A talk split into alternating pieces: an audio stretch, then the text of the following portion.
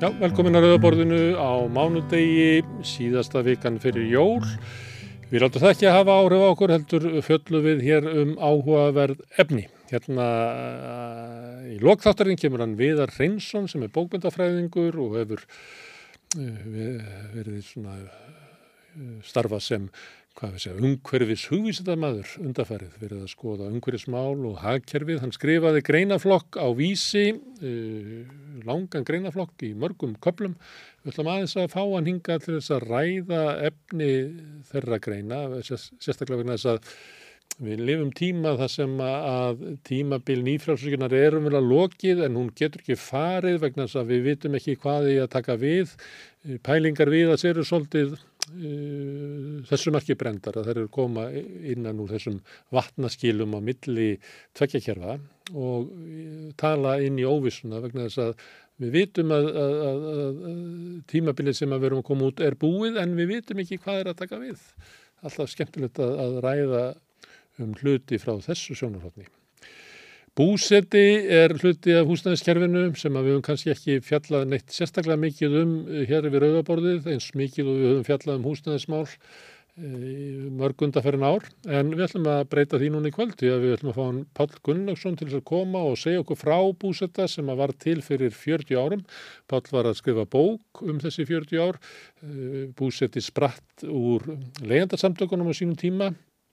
Ég held að það sé svona eðli leyendarsamtöka að geta af sér viljan til þess að breyta kerfinu í verklegum framkvæmdum, að búa til leigufélag, breyta kerfinu ekki bara með því að gera gröfur um aðri gera, heldur standa fyrir því sjálf, þannig var það hér e, fyrir 40 árum að, að leigjandarsamtöki voru stopnuð 78 eða 79, mann ekki alveg hvort árið það var og, og innan úr stjórn þess spratt e, viljin til þess að byggja búsetta. Ég ætla að fara yfir sögu búsetta með Páli og kannski velta svolítið fyrir sér að því að búsetti er annars vegar svona öðruvísi fyrirkomulag, það er korki leigu íbúðir nýja egnar íbúðir, það er svona mitt á milli, það er svona form. En það var náttúrulega til sem krafa um að ríkisvaldið myndi renna stóðum undir þetta með því að að tryggja lán á lægri vöxtum til þess að væri hægt að búa til örugt og ódýrt húsnaði fyrir starri hóp en áður hafi verið gert. Síðan hefur hugmyndir fólks um ábyrð ríkisins á húsnæðismálum breyst og nú er allir að plumma sig á uh, frjáls, frjálsum vöxtum sem eru ákvarðaðir bara á markaði þar sem eru einuguna fyrirtæki sem að spenna það upp.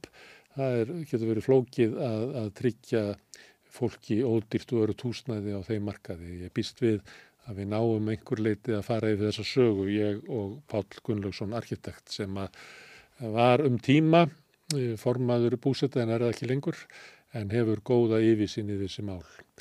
Aðalefni þáttarins er hins vegar viðtal við Guðrúnu Jónsson sem er hagfræðingur sem makti miklu aðdegli hér á áraunum eftir hrun með eitur skýrri greiningu á hvað var það sem að að bjóð til hrunið eða bóluna fyrir hrunið og sem að sprakk og koldist yfir okkur öll. Hún var á tímabili í stjórn Lífyrísjós Vestlunamanna en, en flutti sér til, til Danmörkur, byrjaði að kenna þar í háskóla og var síðan ráðinn sem inn í Danska Sælabokkan. Kanski er Guðrún dæmi þess að, að, að fólk sem er gaggrinni hérna á Íslandi og, og fær ekki kannski störfið hæfi hérna í litlu eigin okkar að það getur blómstra elendis þar sem að fólk kann að, meta þekkingu þeirra á yfirsín. Uh, Guðrún var að skrifa grein svolítið um, um fyrirtæki, fyrirtækjarekstur á Norðurlöndunum, kannski sérstaklega í ljósi uh, stærða lífyrissjóðana, uh, eftirlunarsjóðana á Norðurlöndunum sem að fjárfesta í fyrirtækjunum og, og, og greinir svona, segir um að langa sögu uh, sem að tengist já, bara stöðu verkefliðshreyfingarinnar og fyrirtækjana og ríkisvaldinu í þeim velferðaríkjum sem að Norðurlandinu eru. Uh, Sömuleitu eru við einhvers konar eftirmynda því þótt að séu kannski veikari stóðunar hérna á Íslandi. Uh, hér hefur það ekki enþá gerst að, að verkaliðurinn hafi náð einhverjum tökum á ríkisvaldinu eins og gerðist raunverulega þegar sósíaldemokratandi náðu völdum í, á Norðurlandunum. En Þetta er laungsaga sem að tengist mörgu af því sem við erum að við núna og ég ætla að fá Guðrunu til að koma hérna að rauðaborðinu og segja mér þessa sögu sem er sagan um það hvernig, hvað getur við sagt, eh, norræna fyrirtækjamótilið var til, hugmyndunum fyrirtæki með samfélagslega ábyrð og síðan hvernig löndin unnu úr því. Þetta er prógramið hjá okkur í kvöld, frábært efni, sérstaklega fyrir þá sem er að baka pipakökur, að hafa góða samfélagsumræði í gangi á meðan þeir að baka, því sem eru kannski búin að horfa leið á þessum tíu jólalögum sem eru spiluð ring eftir ring eftir ring í öðrum útastöðum þá er kannski snuðt að stilla yfir á samstöðuna sem er ekki bara í útvarpi á 89,1 á stór höfuborgarsvæðinu og að spilaranum fyrir þá sem eru auðvitað þess svæðis, bæði, spilarinn er bæði á netinu og það er líka að hlaða hann niður í síman sem appi og hlusta á útvarp samstöðurna hvar sem er í heiminum. Eh, heldur eru við líka komin á sjónvarp, hjá þeim sem að sækja sjónvarpi sitt til símans eru með viðskipti við það fyrirtæki, þar eru við númer 5 á fjárstýringunni. Von til þess að önnur fjárskiptafyrirtæki Eh, sinni erindum okkar, við höfum búin að óska eftir viðræðum við það og hvort það geti komið samstöðinu til þeirra líka því miður höfum við ekki fengið neyn viðbröð enn en líklega kemur það einn daginn. Því sem að fáið eh, sjónvarpið ykkar frá Vodafone eða Nóa ættu kannski að nippa í fyrirtækinn að, að sinna erindu frá samstöðinu sem að vil endilega dreifa til ykkar líka. E, má ég í lokin e, benda á að við erum á öllum hlaðvarsveitum, við erum á YouTube og Facebook og þeir sem við viljum hjálpa okkur við að byggja upp samstöðuna getið slegist í hópin með að gerast áskrifundur, þið farð þá inn á samstöðun.is, það er nappur sem ástendur áskrifstu, ítið á hann og skráðu ykkur fyrir. Lámarkið er 2000 krónur sem er mist hlægilega látt verð fyrir alltaf efni sem er hér búið til Eh, því sem að kjósið eh, geti borga meira og því sem að viljið geti látið ásköptin að renna sem félagsgjöldin í alltíðufélagi og það er alltíðufélagi sem á og rekur samstöðuna þannig að fyrir lítinn penning á mánuði þá getum við byggt upp eitthvað stort og því getið átt hlut í fjölmili sem að, að ríkukallanir segja sem mjög eftir svona verðt í íslensku samfélagi í dag.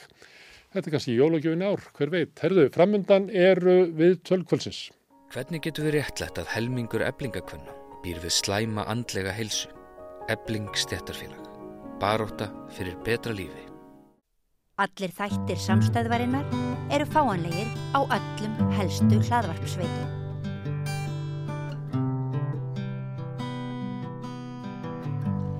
Já, herðu, það er komin góðu gestu frá Danmörku, Guðrún Jónsson. Já. Þú komst nú oft í þennan þátt hérna í gegnum Zoom þegar við vorum í heimsfaraldri og Alveg. eftir það. Já. Einn af þeim sem að hjálpa okkur að móta þáttinn. Það er gott að heyra. Herðu, en síðan hefur það gæst að þú ert flutt í Danmarkur. Já. Já. Og er byrjað að vinna hjá Sælabankurum í Danmarku. Jú, það passar. Já. Ég hérna, er komin uh, í byli út úr akademíunni en, en er nú svo heppin með vinnuvenda að ég fæ svona smá frelsi til þess að vinna rannsóknir áfram sem ég hef verið, verið að vinna að undanfærin ár Já. Og, uh, Og og er núna, Og tilefnið er það að þú ert með grein í, í þessari bók já, sem er um eh, já, fyrirtækja eh, lög, já, laga um fyr- fyrirtækja. einmitt. Þetta er ekki kannski félagrétturinn í, í víðastarskilningi, Nei. þetta er varðandi hlutafélag uh, og Elín Jónsdóttir uh, hérna kennari á Bifröst, Mm. við tókum okkur saman og, og skrifum hérna kapla nr. 2 eða svona fyrsta efnislega kapna, kaplan í þessari bók og þetta er Og- þitt sérfræði, er svolítið svona, svolítið hagfræði fyrirtækja. Þess vegna hefur þú mikið fjallað um spillingu og, og hrunið og vast með svona ákveði sjónarhóttn á það sem að, að, var kannski ekki það algjörgasta sem að vera að tala um. Nei, sko, ég, svolítið, ég er náttúrulega tölfræðingar á ment líka, svo ég, ég stýrist nú svolítið af bara því sem ég sé í gögnum.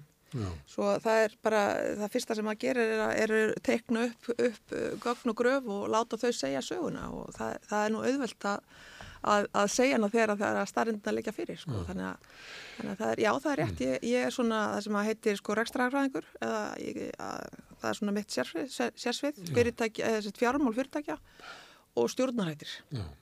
Og þið eru að fjalla um fyrirtæki á Norðurlöndunum Já. og kannski eh, það sem er áhugavert við það líka er að, að á þessum löndum eru eftirlunna sjóðunir mjög stórir, lífeyri sjóður í Íslandi Einmitt. Og kannski var svona vangaveltan um það að reyna að greina því að það er kannski ekki alveg augljóst hvað hérna hvernig fyrirtækin eru þegar þau eru að svona miklu leiti í eigu almennings en sem almenningu kannski samt ekki getur stjórnað eða hvað?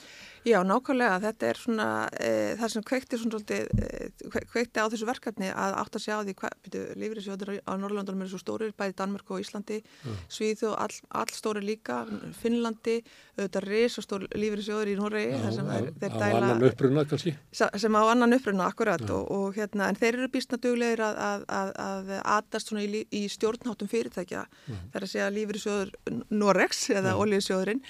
En, eh, en við tókum eiginlega, eða nýttum þetta tækifæri þegar, þegar hérna, Beate Sjófjall og, og Júka Mehonen sem eru lagaprofessori í Oslovarháskóla nálguðust okkur um, um að, að leggja fram eh, efni í þessa bók sem áurinn að vera bara textabók í, í, hérna, í lögfræði. Mm.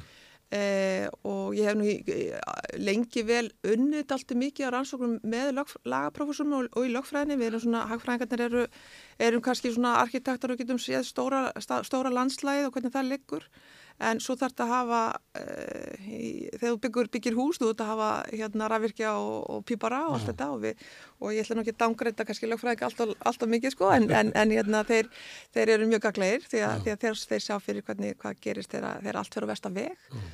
og, og svona leggja leðslutnar í, í kerfið svo mm. þetta fari allt saman. En eru þið að reyna að svara því hvernig hérna hlutafélug á Norðurlandunum eru hvernig urðu svona og hver stýrið þeim hvaða áriðu hafa inn í samfélagið, hvaða hagsmunni eh, þau eru að reka fyrir hvern, eru þau að vinna fyrir samfélagið, launafólkið, hluthafana? Já, þetta er alltaf allt saman stóra spurningar sem við í rauninni höfum bara fengið, eh, eh, ekki fengið nægilegt tækifæri til þess að rannsaka.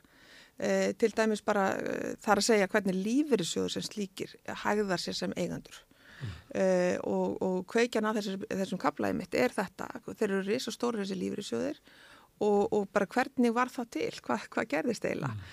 og, að, og við erum með þetta, Norðurlöndin eru þekkt fyrir svona, uh, fyrir að vera velferðaríki og þá eru þetta spurningi hvað er það að vera velferðaríki mm. uh, en, en til þess að skilja í rauninni stöðun eins og í dag þá, þá fannst mér að, að veriðum að fara aftur til fransku byltingarnar til þess að vita nákvæmlega hver rótin er að þessu öllu mm. Eh, þar að segja hvernig, hvernig eigendur og eigenda hópurinn hefur brist yfir tíma og það er mm. eiginlega þannig sko að akkur segir franska, franska byltingin sko að e, franska byltingin hún inspirerar e, í rauninni e, stjórnaskráð breytingar í, í Danmörku og þetta sprettur svolítið mikið frá Danmarkuna. Við hefum, það var líka ánægilegt að fara í gegnum danska sögu því að við mm. lærum þetta, Íslendingar læra danska sögu með, uh, öðrum, með öðrum glerugum heldur en daninni gera. Mm. Svo það var líka hérna, mikill lærdomur í því. En, en uh, sko 1849 að þá varður þessi mikla breyting í Danmörku Uh, í landi þar sem að bæði var innveldi konungsins mm. uh, og gríðaleg miskipting uh, milli uh, fólks bara meiri heldur er í, í, í Sáti Arabi í dag mm. og menn eiga, eiga svolítið e, hafa tilningu til að gleyma þessu það er okkur ekki, ekki nægilega hérna kent þetta allavega þegar ég var að allast upp. Kanski sérstaklega við Ísildíkandi sem að höldum einhvern veginn við sem komin út í okkur voðalú jafnaðar samfélagi. Já það er málið sko að, og, og líka bara að, að hérna okkur er svolítið kent og við, við hefum sett, sett svolítið skuld, skuld, hérna, skuldina yfir á Dani og því að við vorum með þetta nýlindaríki mm Eh, og, og svona höfðum ákveðna tilfengingu til þess að horfa, horfa á, á, á það að þetta sé allt saman dönum að kenna og, og allt sem að aflega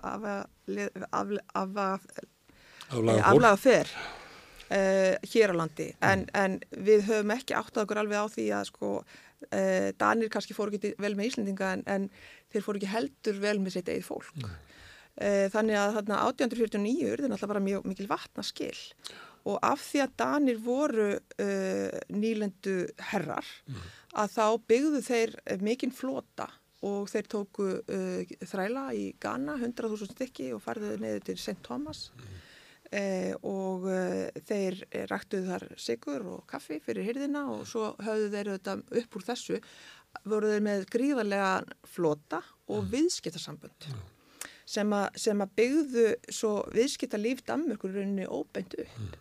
Því að 1849 þá verður þessi breyting að einveldið er aflegt, aflagt og fólk fær uh, frelsi til þess að tjá sig, það fær frelsi til þess að, að hittast og mynda fundi og mynda félög.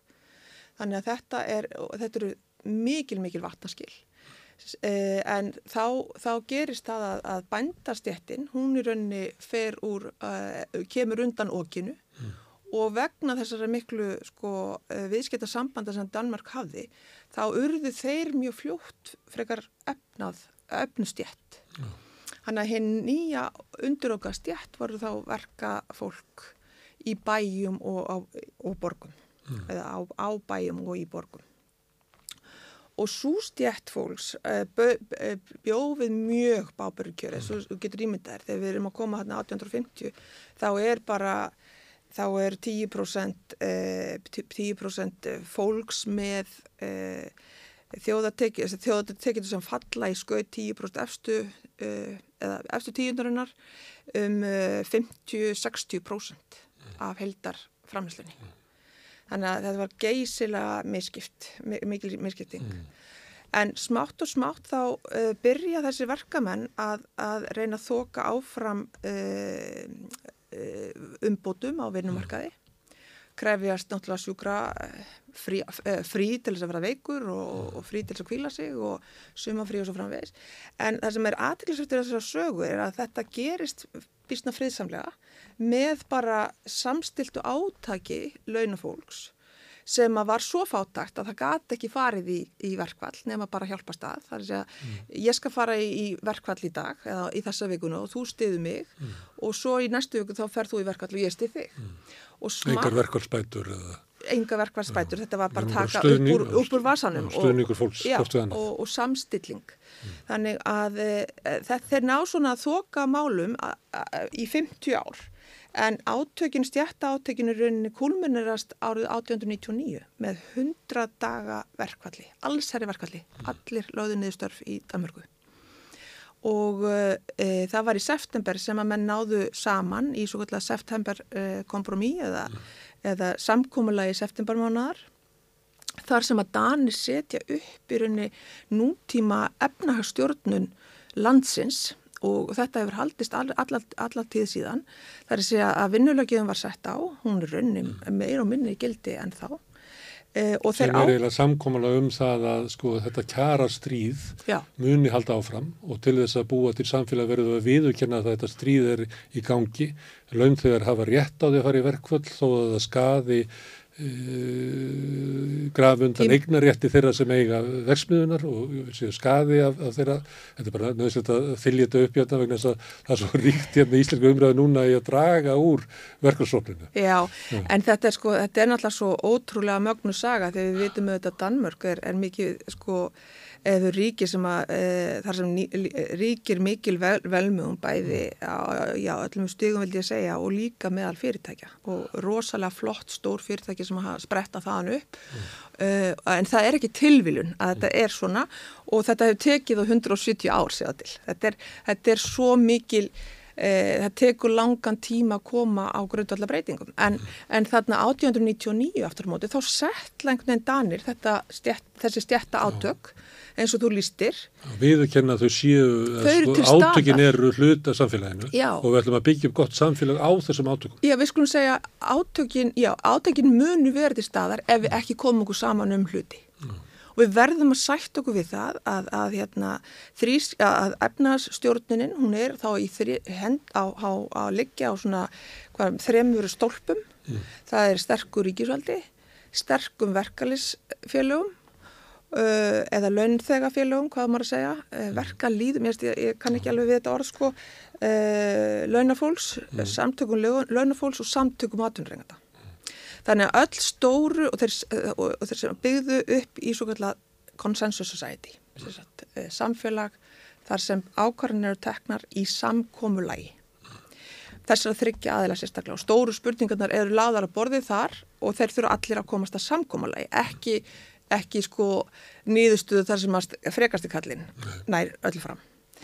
Þannig að e, þá eru við komin undir og þetta gerist þess að með friðsumhætti Rússar aftur á móti áttu, he, he, sko, þurftu að taka á sam, sömu misskiptingunni og þeir fara alltaf aðra leið. Eins og við þekkir náttúrulega bolsífika uh, byltingin sem að, sem að hérna, endaði þetta með blóðum átökum og svo fóru þeir bolsífikarnir og, og kommunistarnir auðvitað alltaf að leið og út frá uh, í rauninni sinn sko það, það var alltaf bara hvað ég segja það sem að allt í einu eins og saga, saga George Orwell það sem að svínin sátu svo að, að hérna og, og, að kjöttkotlanum og, og þjöppuðu restinni niður bara þessir útvöldu, þetta þekkjum þessar sögu. En, og eru þeir þar með úr þessari sögu? Já. Þannig að er ekki að sögu Norðurlandana já, en hún er ekki alveg búin sko, því að, við erum ennþá, eigum ennþá að koma okkur inn í fyrirtækinu hvernig þau eru stýrið sem afleðinga þessu. Uh, og því hvernig menn, menn taka ákvarnir uh, og þetta þetta, þessi vinnulögjunu rauninni var líka sko, bara e, flutt út. Hún kom, komst mjög öðlega inn, inn í Noreg og til Íslands. Sent um síður? Sent um síður, já, það er alveg rétt. Er 1938, þannig að þetta er alveg sko, næstu 40-40 ár. En samt er á íslenska sagan hluti að þessari sögu vegna þess að til dæmis að það urðu til hérna fyrr hérna eiginlega samtök aðurreikata heldur en verkefnisreifingin. Þau, þau voru til áður, þannig að það var alveg augljóst í hvað átt Íslands samfélag var að fara þó að kannski vinnulögjum kom ekki fyrir 36 sko. Já, já, akkurat. Ég sko, svo sem ég hérna, e, það er fólk fróðar en ég varðandi mm. stjættabarðuna hérna á Íslandi. Mm. En maður verður svona reyna í þessum kabla að draga þetta saman og sjá svona rauðan þráði gegnum öll mm. Norrlöndin. Það er erfitt og leiðinlegt sko að telja þetta allt, upp. Þannig að maður að reyna að segja svona samfélagssögu. En, en hérna, en, og það er líka annað sem við slöfum fram hjá í þessum kabla og hefðum átt gætna taka á, að, að í, á, á þessum tíma þá, þá og af því að þeir voru með svona góð viðskiptarsambönd og, og góðan flota og, og svona, þá verða þarna sko auðjöverar til í Danmörku sem að e, þar sé að Karl Jakobsen og, og svona, þessum Túborg og hérna Novo Nordisk til dæmis er, er hérna byggt á þessu Eh, Lundbeckfondin, Livjafyrirtækin. Þetta eru allt sama fyrirtæki sem að voru í eigu hérna, einstaklingar sem að, sem að uh, urðu mjög auðæfir á þessum, uh, uh, hérna, tíma. En þegar að þeir voru komnir á, á grafabakkan að þá settiður upp sjálfsagnarstofnanir og færðu eignarhlutan sinn inn í sjálfsagnarstofnanir. Þetta er mjög aðtilsverði stjórnarhættir á þessum fyrirtækjum. Mm. Því að þeim er raunin ekki stýrt af eigundum, þeir eru stýrt af sko virtual owners Þessi fólk sem er ekki með sko, eigin skinn að, að, að í, Þetta er ekki hagsmunir hluthafana sem að ráðar, heldur er það einhverjir svona almenn nefnd sem já, að stýra þessu, sem samfélagslegum fyrirbreyðum. Já, akkurat. Valið kunni fólk sem að, sem að velst inn í þessa stjórn en, en hluti af tilgangi félagsins er að styrkja, styrkja samfélagslega innviði mm. og hafa, og, og það er ekki augljóst að þeir hafi gert þetta vegna þess að þeir voru að koma sér undan skatti, vegna þess að þegar þú tekur saman sko skildunum sem það hefur gagvart samfélaginu samfélaginu að þá eru raunni að borga hærri skatt. Mm. Þannig að það er ekki að skýra það. Eins og hefur verið um suma þessum eh, sjálfsvegnarstofnunum sem að menn hafa gert til búið til í bandaríkjunum og Breitlandi sem er eiginlega skatta um skotarleið. Já, svo, svo akkurat. Það, það, það er líka fara varlega að, að svona ekstrapólera eða reyna að tengja sko að draga lærdum af þessu, þessu, þessari tilröndi eða þessari, þessari venju skulum við segja í Danmörku mm. vegna þess að dan, danska samfélagið er bara ákveðina tegundar þar sem að fólk sættir sig við að það, að það böstlast ekki áfram eða göstlast ekki áfram í einhverjum, einhverjum nefa heldur verða menn að sætta málinn og fá sjóna með allra borðinu áður en ákvörðinu tekin. Svo þegar ákvörðinu tekin og einhver kemur og kvartar þá geta Danir sagt heyrðu, þú varst ekki á stanum sko, þannig að hérna, hafðu bara hægan Það er sama og gert er í brúðköpum yes, sá, sá sem að hérna, er með einhverju anbuga á þessu, þessu ráðahag stand upp núna en þegi Ellegar, hér eftir nákvæmlega, það er eiginlega þannig sko. en, en svo við hérna vikið maktur á þessum sögur sem að sagður í kaplanum að, að, að e, og við skautum svo sem hratt fram. Ára 1915 þá fá uh, allir danir atkvæðisrétt í kostningum mm. eftir, uh, yfir 25 aldur uh, og í kringum 1923 eitthvað svo leiðis þá hérna af því að verkalis eða uh, samtök laun, laun, launafólks í Danmörku var búið að hefja, he, heia þessa baratu, þá voruð bara einfallega mjög góðir í að uh, samstilla sig og, og voru góðir í bara pólitísku starfi. Þannig að þeir í raunni renna svo inn í pólitíska landslag undir hatti sósjaldemokrata mm. E, og svo halda þeir völdunum í rauninni ever after, það er að segja eftir þetta tímbil ólíkt því á, á héralandi þá voru það í rauninni íhalsmenn og, og bændastjættin sem, sem að hjælt völdum eh, mestmægnis mm. Samfunnurheimingin hafði hér haft lengri tíma til svona mótunar Já. og er kannski líkar af því sem húttur í þess að verkefliðsreimingun í Danmarku sem var eiginlega tilbúin að taka við völdum. Að sömuleiti var samfunnurheimingin þannig að hún eiginlega tekur völd að borgarastjættinu 27 með, með stuðningi í verkefliðsleifingar sem var miklu minni þá Já. Og, og ég held að svo ríkistjóð sé vannmetinn í, í hvaða hún náði breytingum að þetta má rekja hér að skólana, hér að sjúkrahúsin, gríðarlega svona nation building hérna, sem að sko samvinnurhefingi fór í með mm -hmm. sem að maður sér ekki alveg að sko borgarhefingin eða borgarhefstettin hefði haft áhuga á sko. Nei, nei. En síðan náttúrulega gerist það setna að, að framslunarflokkur og samvinnurhefingin verða eiginlega mjög hægri sinnuð og verða svona atvinnu en atvinnu rekanda miðuð. Það, það er bara eh, líðræðis eh, uppbyggingi þar var ekki sterkara það að, að, að það er ekki neytendur og almenningur sem hefur völdin í samlurhefingunni heldur verður að komissirarnir í sís og, og smátt og á fer. Hættir þetta að vera alþjóðurhefing og verður bara lík borgarastettinni? Já, ég, ég vil segja en, sko að hérna, það verður mjög áhugavert að fara á henni þetta og sérstaklega varðið stjórnarhættina því að, því að hérna, sko þeir eru gríðarlega mikilvægir hvernig þú byggir upp sko hérna ákvörðun tökku hópsins veist það þarf að vera ákvörðun struktúr og það er, að, það, e, það er erfitt að vera með flatan struktúr til dæmis. Þá getur bara sá sterkast aðeili runni sem hefur hæst ná, náð völdum og þá ertu bara búin að missa tökin af, af mm. hlutunum þannig að það, það er það, ég held að sé klárt mála að, að, að stjórnar hætti skipta þetta miklu máli og þeir voru mjög góðir í þessu sko sósjaldemokratinir mm. uh, og þeir náðu þarna völdum 23-4 og, og eru svo í því að byggja upp velfærasamfélagið og sem að verður svo bara flutt út til Svíþjóðar og, og, og Danmerkur og Finnlands og Íslands mm.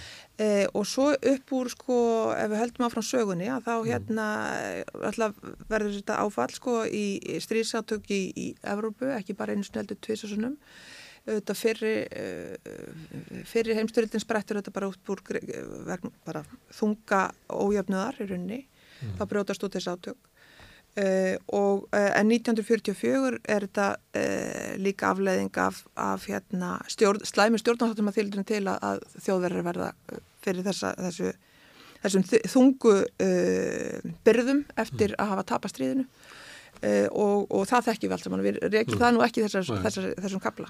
En hins vegar sko upp úr 1945 þá, þá, þá, þá klára menn þetta verkefni að, að tryggja öllum börnum aðgengi skóla, mm. uh, að tryggja öllum veikum læknistjónustu. Uh, 8 tíma vinnudagur, 8 tíma vinnudagur kröfunar sem verða til sent á 19. öld eru að rætast. Nákvæmlega. Mm. Svo að upp úr miðri öldinni að þá fara sósjaldemokrata svolítið sko að velta fyrir sig hvað næst, mm. hvert ætlum við að halda eh, og hvaða, þú veist, þau voru búin að eila sigra all víin sko í, eins og þau sá, mm. sá fyrir, fyrir sér. Þannig að það, það varð sko mikil eh, umræða í Danmörku allt undir ný, sko eh, tíunda ártögn, vil ég segja, 1980 Uh, kannski ekki 1990 en 1980 sannlega, þá voru menn ennþá tala um það að, að kannski næsta skrefi væri að ná tökum á atunlífinu mm. og uh, sjáu þið þar að verkefliðsöðingun er sterk og svo er, er ríkið í höndum sósjaldemokrata mm. og svo er það atunríkutur og alltaf þurftu er samt sem bara að ná samkómalagi millir þess að þeir ekki aðila mm. Við getum orðað þetta sósjalist að næsta skrefi væri að líðræðisvæða atunlífið Já og, og og, og hugmyndi var svo að taka e, bara hlutafið mm. allra fyrirtækja og setja í einn fjárfestingarsjóð e, og upp úr því átti svo að dreifa bara þessum hlutildarskýrtunum mm. e, í þessum þjóðarsjóði fyrirtækja til starfsmanna, launifólksins mm. og þá náttúrulega sagði bara hérna, aðtunurreikandunir nei, það er ekki, ekki búið hmm. Þannig að þeir þurftu að komast að samkómulagi. Og hvað var samkómulagið? Samkómulagið var, heyrðu, við skulum hérna, allir gætu sætt sér við þetta, við skulum hérna aflétta, létta þess af velferðaríkinu eh, og, og, og launþegar eða launafólk sapnar í lífrisjóð tekur eitthvað af uh, laununum sínum hver, í hverju mánuði og í gegnum þennan lífrisjóð þá eru þeir orðnir kapitalistar, alveg eins og við hinn, hérna í mm. Uh, og í gegnum uh, eign sína í uh, lífrisjóði þá hafa þeir, þá var, var markmiðið að þeir hefðu líka áhrif inn í fyrirtækinn og gætu þarlendi eh, og, og aukin heldur til þess að tryggja þeim aðganga stjórnum fyrirtækja að þá settu Danir og normenn og svíjar eh, lög, í lög að fyrirtæki og í Danmarku sérstaklega eh, þá, var, þá var öll fyrirtæki sem eru yfir 35 starfsmenn eiga rétt á því að senda mann eða sinn fulltrúa inn í stjórn félagsins. Mm. Og það er, það er enn þetta í dag og, og, menn, og þó, þó svo menn eh, eða félög og fyrirtæki nýta sér ekki all þessi, þessi réttindi ja, starfsmennin, þeir geta ekki gert kröfu um þetta? þeir geta gert kröfu um þetta ef eru, eru yfir ákveðna stærð. Já. Og tvo eh, fulltrú ef þú eru ennþá starri, var það ekki þannig? Eða? Já, svo, svo nú var ég svona á því. Þetta er svo liðin saga, ég er að reyna að rifja þetta upp. Já, sko. sko þetta er... var raunveruleg umræða sem náði hingað um Já. til dæmis að starfsmenn sæti í stjórnum fyrirtækja. Mm. Svona, uh, alltaf ekki farið að fjara út svona 1980, en það er engin að tala um þetta í dag. Nei, svolítið spurðulegt sko, því að, hérna, þetta er bara heilbrygt í raunni að hafa fjölbryttan hóp eh, fólks innan stjórna, mm. eh, alltaf miklu betur að fá fleiri sjóna með að, að borðinu heldur mm. en færri eh, og það er ákveðið svona eftirlitt sko atriði að hafa fulltrúa eh, launufólks inn líka í stjórnum. Líka stjórnin sé ekki bara að eh, hlutöfunum heldur líka starfsmennunum og, og ekki bara það, sjáðu, sko, það er, það er eitt starfsmæður sem að stjórnir ræður og það er fórstjórin mm. og hann hefur þetta, þú veist, þá er það filter sko, e, á upplýsingum indir mm. stjórnarinn og stjórnin kannski veit ekki neitt hvað er að gerast mm. nema þá aðeins ef, að, ef að það er fulltrúi mm. launaflóks sem að setja við sama borð og það, þannig að það er svolítið enginlegt Getur verið skiptið svo týran í fórstofnus Já, ég menna akkurat, uh, nákvæmlega. Sem er ekki heilbritt sko, við höfum í huga hversu stóra hluta vöggutímas við eigðum inn í fyrirtækjunum. Að það er náttúrulega ekki heilbritt fyrir okkur í líðræðslu samfélagi að vera inn í sko einræði fyrirtækjuna Nei, ég held að sko, það, sagan náttúrulega kennur okkur það sko, einræði er bara ekki góð hugmynd í hvaða, hvaða formi sem það er. Oh. Þannig að það, það, það endar ekki, ekki vel. Mm. Uh, en sko, uh, en þetta er að gera sér í Danmörku, hérna mm. heima er þetta að gera sko 1974, þá eru, þá eru sett lögum lífriðsöðaldi, eða skildu, skildu hérna aðeld Mm, og svo, svo er þetta alveg allt til alls 1990 þannig til að, að búið er að innlýma öll, all, öll laun, alla launagreislur að hluta þeim mm. fara inn í lífriðsöð þannig að e, svo við förum aftur, svona, þetta er svona sagan og þetta er lögfræðin sem að spilar hérna inn í mm. og svo komum við inn í hagfræðina e, að þá e, gerist það 1974 akkurat þessum sama tíma mm. og, og lífriðsöðu voru settir alveg getar hérna á Íslandi þá kemur fram maður sem heitir Hétt, hann er nú horfin okkur Milton Friedman. Hann var, mm. uh, hann var sko peningumála sem að skrifaði bara skoðanadálk í, í New York Times. Mm. þar sem að hann lýsir því uh, og þá sinni skoðun að, uh, að tilgangur fyrirtækja væri fyrst og fremst sá að auka við hagnað í þá hlutafana Uh, og fólk tók þessu bara mjög bóstalega, hann var mjög duglegur í svona hérna avokassíu eða, eða að, að mæla, mæla eh, fyrir þessum hugmyndum mm. sínum sem voru ekki stuttar neinum rannsóknum. Komið alveg bæði... sín hingað og var í frægum sjónvarsþætti þar sem hann var að búa þetta? Já, við skulum ekki sko gera neitt lítið úr því að hann hefur lagt alveg greiðlega mikið fram í að skilja hvernig peningamagni umferð hefur áhrif á verlag og svo mm. framvegs. Þannig að, að, þannig að hann, hann hafi fram, hann, það ósegju að hann fekk eh, Nobel-sörun þessi mm. maður. En hann fekk en ekki Nobel-sörun fyrir þetta? Hann fekk ekki Nobel-sörun fyrir þetta og hann var ekki með neina rannsóknir sem að gáttu bakka þetta upp mm. sem er óöflegt því, því að hans eh, sko mál eh, eða hans, hans eh, málflutningur hafði bara gríðarlega áhrif þannig að, að svo miklu leiti að, að hérna það er bara heil svona ideológia sem hefur sprottið upp úr þessum eina þessu skoðanadalki sem að hann laði fram þannig sem heitir hérna, shareholder primacy og mm. margi telja það að það sé bara í, í hlutverki stjórnar manna og stjórnenda að auka uh, hagnað fyrirtækja fyrir mm. tilhanda uh, hlutum. Auka arðsemi þeirra sem eru vel að orði við það hversu mikið eigundu geta tekið upp í argristur út úr fyrirtækinu. Mm.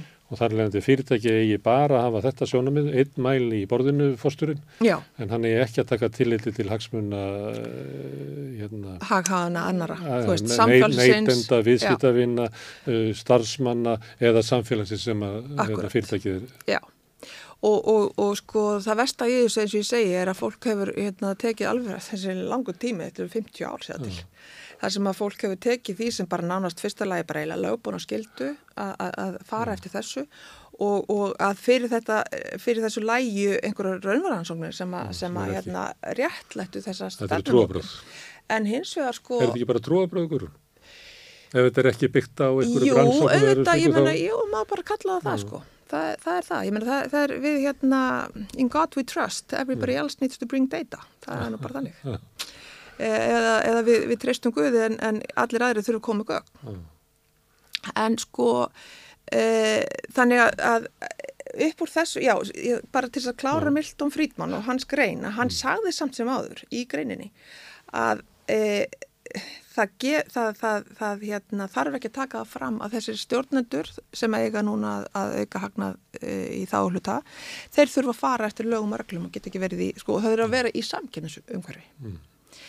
E, og þannig að stærsta e, svona vopnið eða hvað ég sé, agatólið sem að, að hlutafar hafa er bara einfaldlega að, að hérna að uh, hóta því að selja hlutabrifin mm. þannig að greiða allkvæð með fótunum eins og einhver saði og Þannig að ef þau fá ekki nógu mikið arða þá farið þær, þannig að þess vegna verði fórsturinn að þjóna þeim. alltaf að þjóna þeim, já, Það var ekki, saman við samkennina var það að þetta gæti gengið svona ef það væri á samkynnsmarkaði, því það væri þá aðhald frá öðru fyrirtækjum, Nákvæmlega. þannig ef þú ætlar að fara á okra mikið, já, en það, það þarf að vera samkenni sem við Íslendingar þekkjum ekki. já Við, það er nefnilega að vera samkynni Við erum einungunum fákjefni. og mikið af þessum hagfræði kenningum sem við byggjum á sem að eru þetta sko oftar uh, ætlast fólk til þess að þær svari sko einu og öllu en þær eru þetta er mest megnast líkun sem að lík, uh, hagfræðingar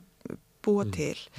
uh, til þess að við skiljum og getum svona séð þessa rauðu þráðinni í mjög flóknum fyrirbærum. Þetta er svona, þetta er svona eftirlíking hins raunverulega, en þetta er eftirlíking sko, þetta er ekki það, það raunverulega Já, sem ekki að er, trú- ekki er í líkonum. Að við Ekki meðum trúa ekki, gera, við ekki gera meira úr þeim heldur en þau geta komið til skila.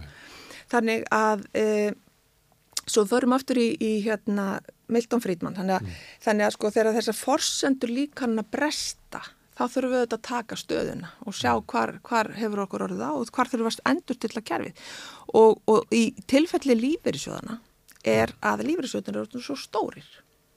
Þannig að þegar þeir selja uh, hlut, ef þeir ætla að beita þessum aðtæki, að þá, uh, ver, þá, þá þurfa þeir að selja brefin sem að gera það verkum að, að þeir eru svo stórir og þeir eru að fullu, þeir eru með fulla áhættu dreifingu, það sem er kallum fully diversified, eh, þeir eru með fulla áhættu dreifingu á eignunum, þeir eiga stóran hlut í öllum fyrirtækjum á land, eh, hverju landi, þannig að þegar þeir selja að þá verða þeir fyrir tapi, þá verða þeir fyrir skerðing og Þeir sem að verðfalla er hlutabriðin og þetta er ekki þetta er ekki væjabúl, þetta er ekki raunverulega ekki trúverðu leik, leikur af þeirra hálfu.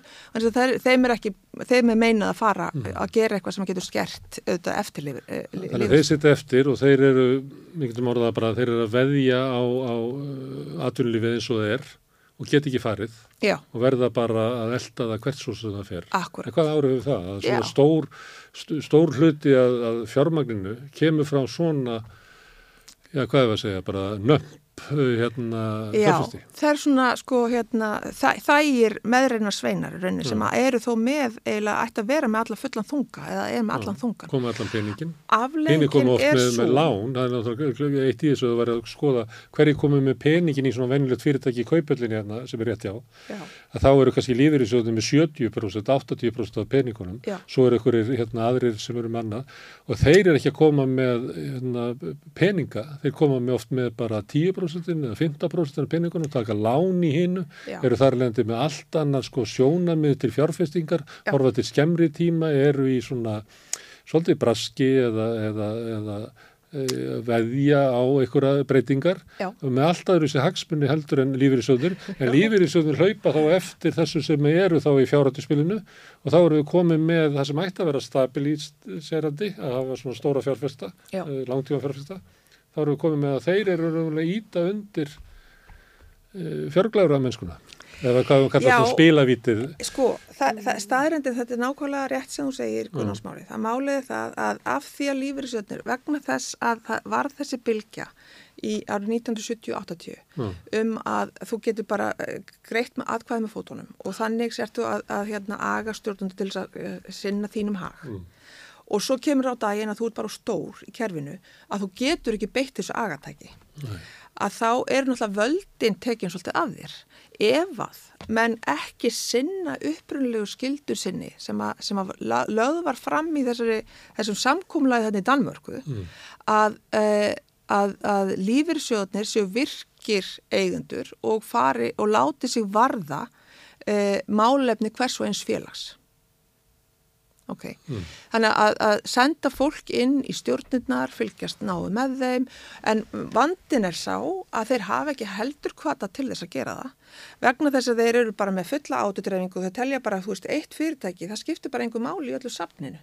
Þannig að svo, svo verkalisreifingin, hún, hún vill ekki eigða peningum í umsýsli á fjármálunum. Þannig að það er, það, það er hérna fækka og fækka fólki sem er að stýra, uh, stýra lífriðsvonum sjálfum. sem kostnaður hefur samt umtalsverður eða svo Ragnar Þóruður verið að benda. Já, en sko, hann er ekkert mikill í, í samanbyrði við almennt og yfirleitt. Þú þarft að hafa fólk sem situr á rassinum Það að, daginn. það þarf að stýra ykkur, það getur ekki bara eld hérna, Já, það þarf að hafa allavega fjármunni til þess að ráða fólk til þess að fylgjast með viðtækjum. Við skulum byrja en, þar. en við erum með kostnaðin en Já. við erum ekki með st- stýringuna því að stýringin er bara að þeir gera bara eins og hinn Kostnaðurinn á sko, stýringu í íslenska lífriðsjöðu, alltaf sem lítur að eh, rekstri skrifstofana, það er ekki tekið, það er svo erfið svolítið erfitt að átta sig á því sko nákvæmlega að því að það, pa- partur af, af eignarsafni lífriðsjöða er, er í höndum annara sjóð, sjóðsfél, fyrir. sjóðreikanda, sem að þeir greiða þóknun, þóknunni fyrir eða það er inni í genginu á, á, á viðkomandi sjóðum. Þannig að það er ekki gagsæ í þessu sem er óheflagt. Þannig að, en, en, en, en sko, í það minnsta að, að við viljum auðvitað hafa átudreifingu út úr okkar kerfi. Þetta er risastórt hérna, eh, kerfi, risastóri sjóðir og auðvitað viljum við að þeir dreifa átunum út fyrir landsteinana. Eh, en það, það þarf að vera á þeim skilda og það þarf að vera mann krafa frá hendi samtaka launafólks að þeir sé að sinna verkefninu, sínu sem, sem umbóðsmenn þessara hlutafa, þessara óbeinu hlutafa og það er það sem hefur skort kannski á hér á Norðurlandunum að, að þeir hafa ekki þetta. En það, það er, má ekki gleyma því að, að slíkt eftirlit eins og allt eftirlit það kostar peninga.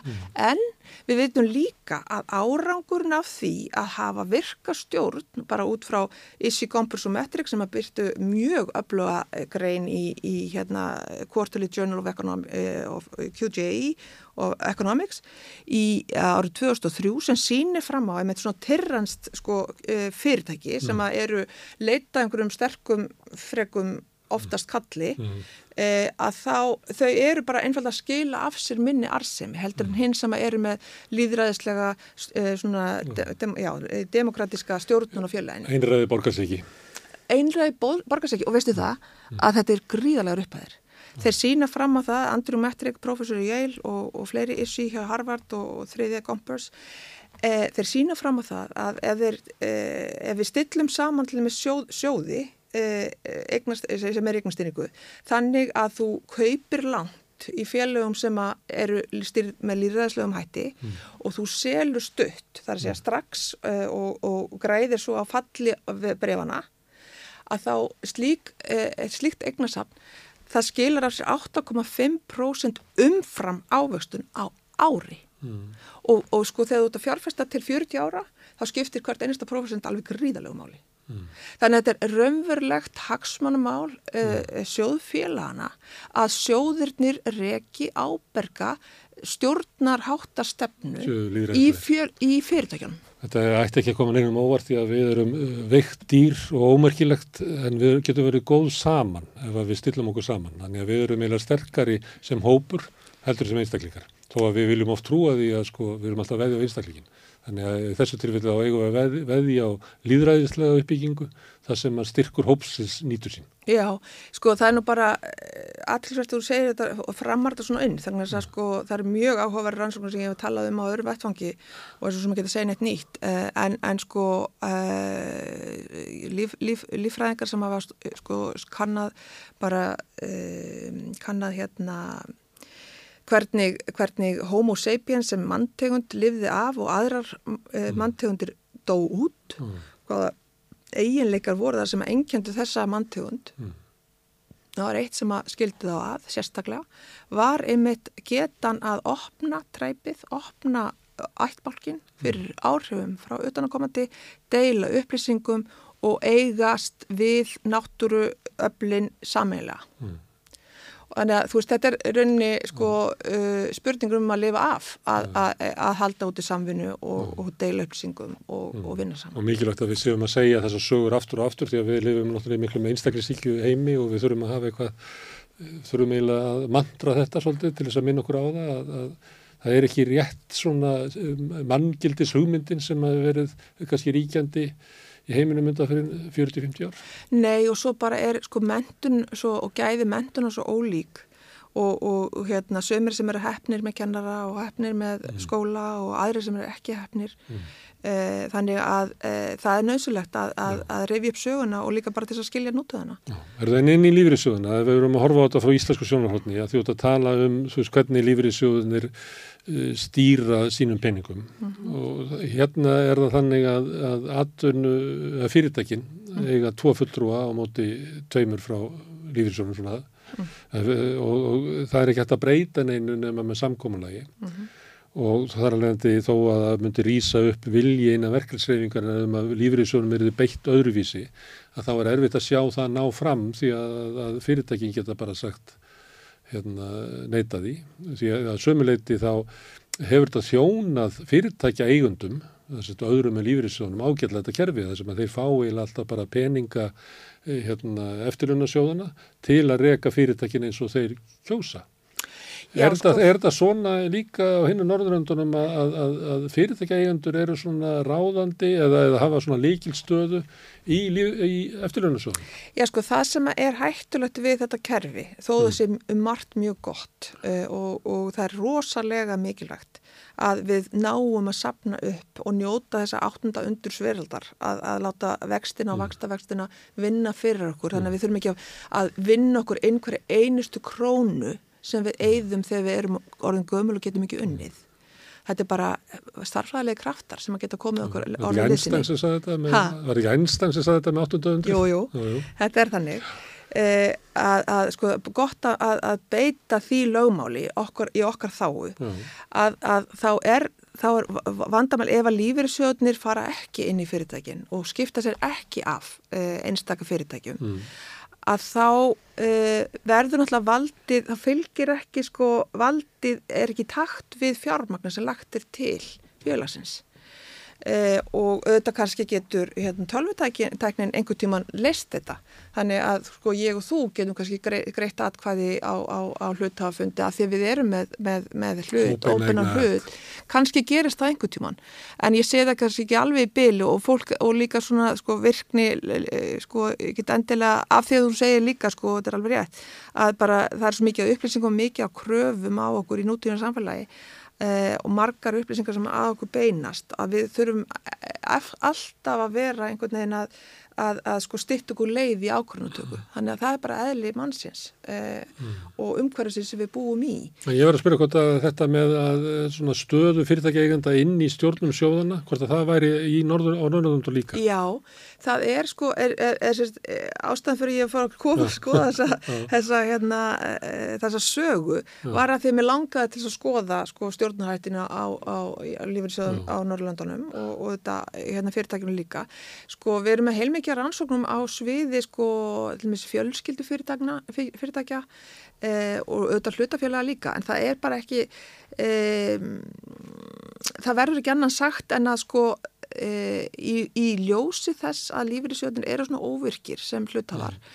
að þá er valdið í höndum forra sem kom með tildulega lítið fjö inn í félagin og þessir aðilar e, ólíkt lífriðsjónum, þeir eru ekki áttudreðir, þannig að þeir setja allt, all, kannski all ekkin í sömu korfuna og þeirra kvati er bara eins og Milt og Frídman var að segja, að reyna að auka hagnaðin og að reyna að stækka fyrirtæki sem, sem, sem fyrst og sem mest, þannig að allur hraður vöxtur er í aðli sinu áhættu mikil sem, a, sem að veldur því og það er þetta sem gerðist í okkar hérna, bankakjörfi hér, hér á, árum áður að, að fyrirtækin uksu allt og hratt. Mm.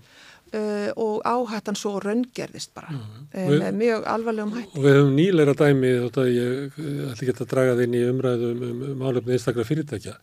En það hafa verið rattir bara innan úr svona hinnu svo kallaða viðskiptalífi sambandi við Marel þegar kemur í ljós að þeirra að uh, hlutabrifa verða þar fellur. Að þá kemur í ljós að sko forstjórin sem hafi leitt fyrirtækin var með sinn hlut allan veðsettan.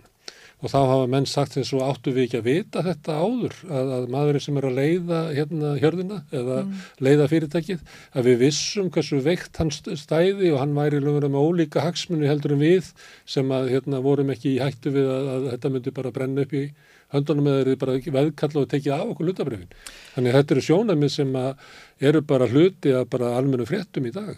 Já, Um en, en þessa sko aftur þar þurfum við alltaf það er svo erfitt að draga ál, með stóra áldan út frá einstökum dæmum en, en ég hef er með hérna grein sem að heitir uh, hún er aðgengileg bara á netinu og heitir hérna var ekki hvað ég skrifaði sjálf. Uh, hérna The Logic of Business Groups A Moral Hazard Perspective. Það sem við sínum fram á það að þessi fyrirtækja samstæður Uh, þær eru í alveg sinni mjög uh, áhættu samar og hlut, hérna, holding companies, hérna, eignarhaldsfélög, þau eru í rauninni í alveg lang áhættu sömust, svo eru þau fyrirtæki sem eru eigu eiga, eignarhaldsfélag, svo eru fyrirtæki sem eru eigu annara fyrirtækja og svo eru fyr- fyr- fyrirtæki sem eru í eigu einstaklinga en eru í fyrirtæki samstæðu. Þau eru öll sömul áhættu samari heldur en það sem við kallum standalone firms, þeir sem eru bara í eigu ein, ein, hérna, einsaðila eða, eða eru með skýrstegnað. Talandi um aðræta hundsins, sko, þá er það náttúrulega þannig, síndi fram á þetta. þannig að sko bankar, uh, bankar telja og bankamenn, þeir telja að þessar fyrirtæki samstæður séu eða svona örugari. Þetta er góð tæki sko til þess að uh, ná fram uh, þróun uh, þjóðfélaga þar sem að lögureglur eru, eru, ekki góðu horfi þegar sko löndur að fara úr því að vera vanþróð í því að vera þróuð. En svo er innbyggðu hvata að halda fyrirtækisamstæðanum sko, sem að eiga þá í viðskiptum inn, innbyrðis og eru með tröst sín á milli og, og þannig að það eru alveg, þú veist, það eru aðstæður sem að þessi tæki geta verið mjög gagleg. Uh, en svo er, er fristnin svo að, að, að halda niðri áframhaldandi þróun vegna þess að þá kemur samkjöftin inn og þá kemur hérna löggjæslan inn og svo framvegis. Í, í hennum þróuðu samfélögum þá, þá er þetta í lægi en, en viðskipta mókúlarnir kannski sem eru búin að nýta sér vefin til góðs fyrir samfélagið eða okkur ákveðan tíma að það, það, það verður ekki lengur gaglegt að hafa þau með samansætti en, en sko ef að eh, við sýnum fram á það sem sagt að þegar, þegar hérna, það sem við ætlum bailout promise eða e, bankamennið telja að þessi örugara að lána inn í svona samstæður e, vegna þess að, að, hérna, föturnar hérna ofan, þeir munu bjarga þessum fötunum sem eru fyrir neðan e, eða pottunum eða hvað við erum að segja. E, en, en málið er að þegar að þegar áhættan raungerist þá er þetta raunni tæki til að, að, dreifa átunni og minkana e, e, og, og það, það kemur bara á daginn að- gögnin segja og sína mjög, mjög hérna uh, samfarandi hætti. Að þegar að þess að sko ímynduðu ríkisábyrg til dæmis ef, að- hvað, myndi gerast fyrir Nova Nordisk ef eitthvað gerist fyrir Nova Nordisk Mm. til dæmis að þá er ljóst að, að, að ríkið í Danmörku myndi Almenningur. gera eitthvað sko. Þannig að á, á þessum grunni þá njóta þessar, þessi, þessi fyrirtækja samstæður betri lánskjara. Já. Og það er þess vegna sem það eru líka kannski hagnaðar samari heldur en önnu fyrirtæki. Vegna þess að þeir njóta, þeir fá afslátt af, af lánakjörum vegna þess að þeir eru með eitthvað svona baktryggingu. Eh, og, og það, það þarf að taka á þessu og það þarf að, það þarf að hérna, hafa gagsægi á, á eiganda eh, netónum mm. eh, og eh, þetta er eitthvað sem bara er í þróun eða þá, við erum ekki búin að ná og Íslandikar er ekkert sko einir um þetta skilur við.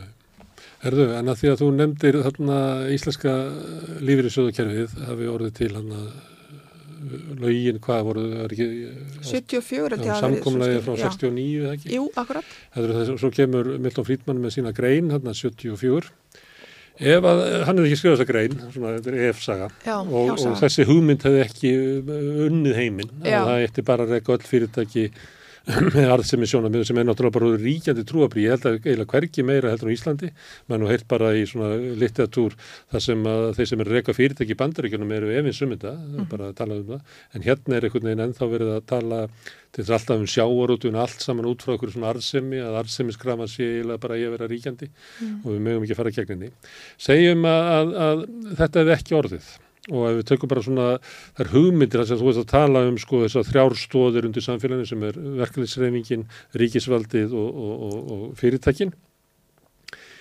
E,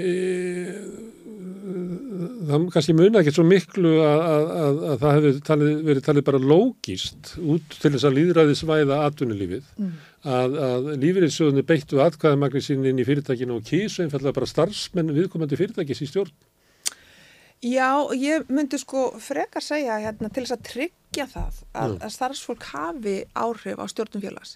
Það sé eðlert að gera það í gegnum lögin, bara eins og er gert á Norrlátunum. Uh, en er ekki í gegnum all lífyrirsjóðuna?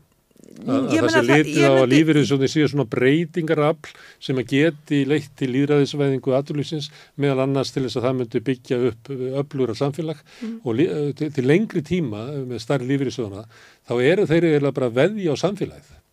Já, veist? en sko ef þú vilt vera örugur, já. þú veist, já, það er, þú þetta eh, vera vissum það að, að svona stjórnarhættin innan lífriðsjóðuna sé, sé, sé á þann veg að þessum, þessum, hérna, þessu vali eða þessu, þessum, þessar tilætlum sé beitt eða sé, sé framkvæmt en ég myndi segja sko það, til þess að vera örugur um það að, að sjónum í starfsfólk komi að stjórnun félags þá er eðlilegt að gera það bara gera kröfum að sér í lögum Þannig að það sé ekki eðlilegt að þessu lífyrirsöðunir sem að gera þár kröfur þar sem að þeir eru langtíma fjárfestar og þar sem að þeir ætti að vita það að skamtíma sjónamiðin hafa bara hagsmunni hlutafana og tala ekki um skuldsettur að hlutafa Já. að þá væri það eðlilega leið fyrir þá að gera kröfum að félagin eru bara einfallega svona betur og líðræðislegra uppbyggð? Jú, jú, jú, þetta er góð hugmynd sko, en, en, en ég myndi segja að, að hérna, innan stjórnaborsins viltu hafa mörg sjónumið, þú er ekki bara sjónumið starfsmanna. Mm. Þannig ef við tryggjum það að sjónumið starfsmanna koma vegna þess að lögbúðið uh, vald segir að þeir eiga að vera með, mm. þá er það tjekk, þú veist, það verður komið það. Og, svo, og tvo af sjö kannski. Já, já, já, það er erfitt að vera eini starfsmann einn af fimm, þú veist, nei, akkur ekki, ég, líka ég, bara, ég sumir segja það er erfitt að vera einn ein, ein kona ég meina, uh, en ég held að sko það, það er allt betur en ekkert. Uh, og uh, þjóðverður eru með meiri sko til því þriðjungur sko mm. stjórna mann nú ekki alveg hvernig tölunar eru þetta en, en, mm. en og, og líka í Noregi það voru mm. eftir starð, starð eh, stjórnuna sjálfa. Þetta er líka í Fraklandi. Og... Já, þetta er mjög víða og mm. þetta er svolítið enginlega skul ekki hafa sko. komið, komið fram grafa um þetta uh, uh, hér á landi. Það kennir svona að séu sko öryrki og aldraður í stjórn tryggingastofnunar hérna. Nei, nei, ymmit og þetta sko og þarna kannski líka við þurfum bara að uppfræða fólk og ég held að þetta sé ekki endilega bara einbættu brótavili sko sem að ræður þessu. Þetta bara, fólk bara gerir ekki neitt með það. Að stjórnun er bara kaffi samsæti mm. með vínabröð og, og heitt á kanninu og svona. Mm. og svo bara kemur stjórnundin inn og svo er einhver hérna sem stimpla bara hérna með, eða alltaf með hendin uppi. Mm.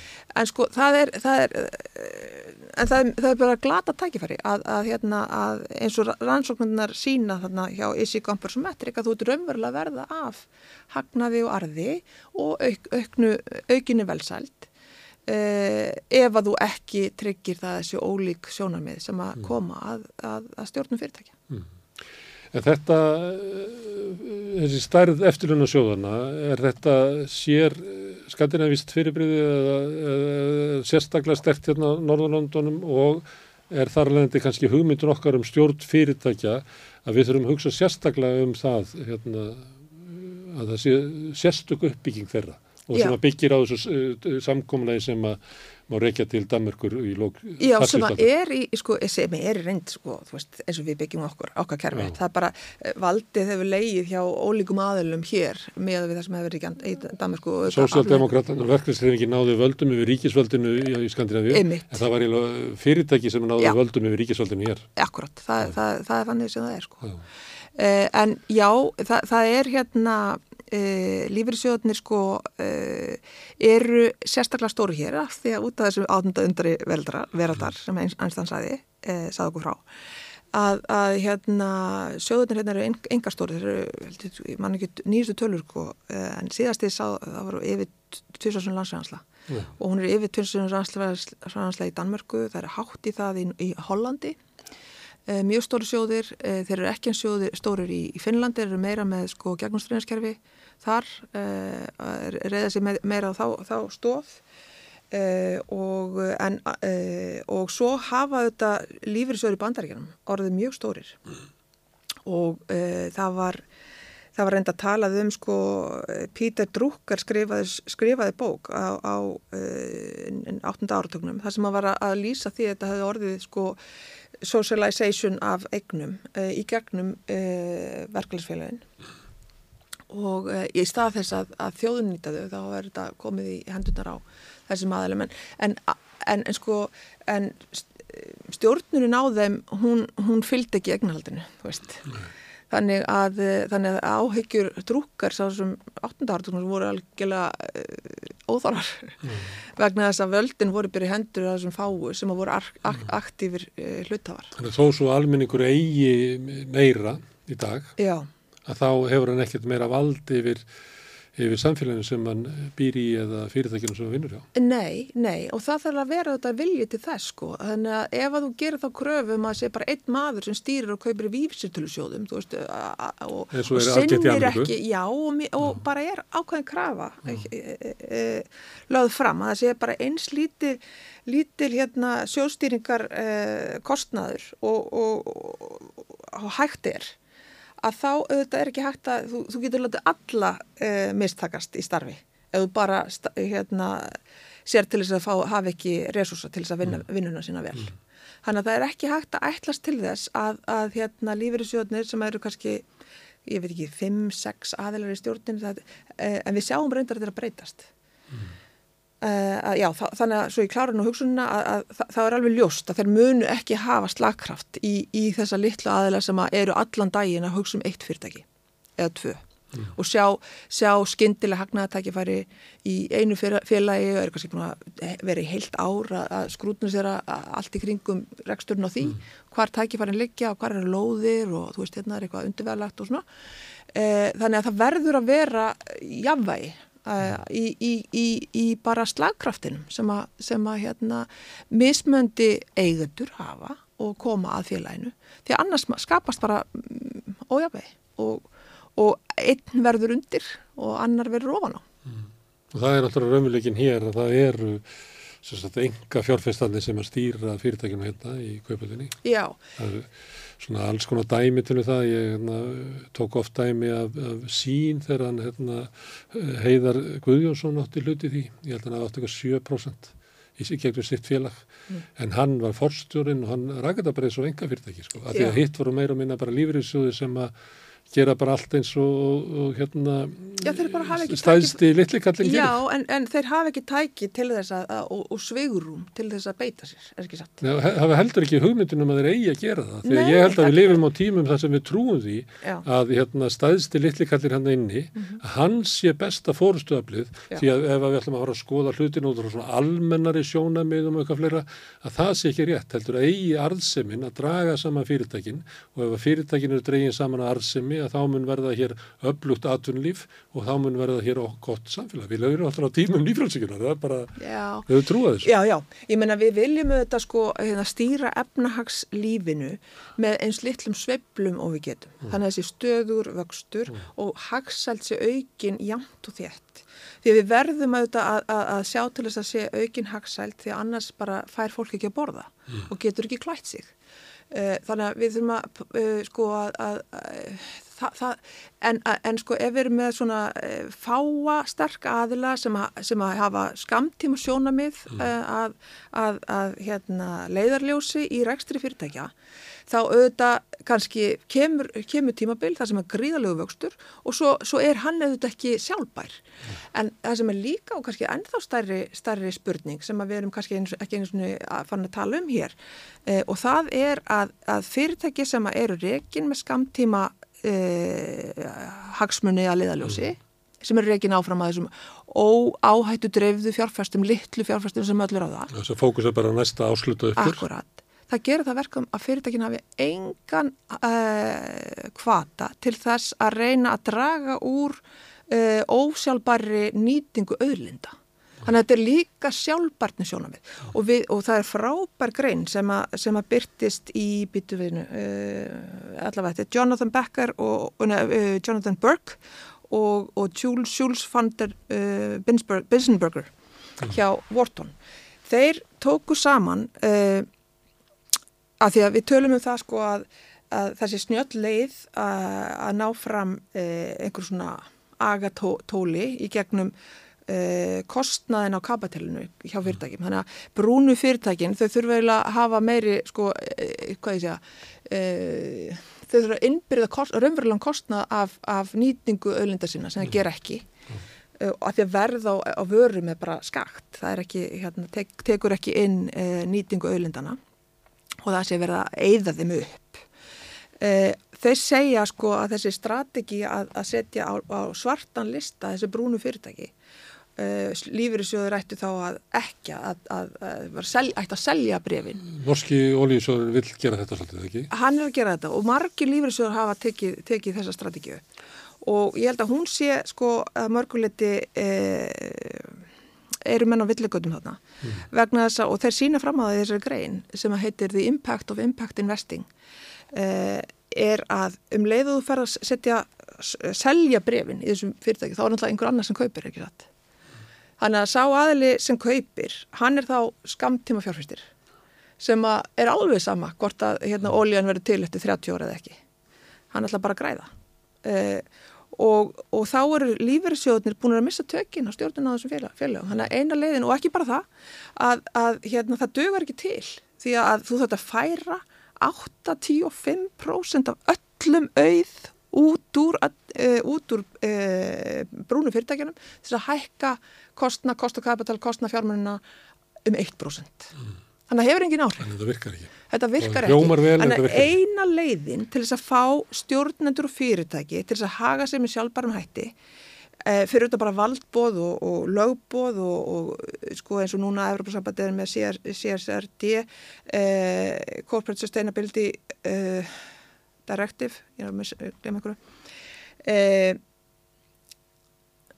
Já, allavega CSRD heitir, heitir steyttikinn á þessu mm. þar sem að, að fyrirtæki þurfa að, að fara í gegnum sína virðiskeiði og, og rapportera það til, til eins og ombera mm. hversu mikið e, þau, þau nýta af, af, af e, ósjálfbærum auðlendum eða þeir sem ekki er endunniðarlegar og hversu mikið þeir, þeir, þeir spúa út af, af koldvegs og svo fræðis. Mm. Þannig að það er einleið þetta.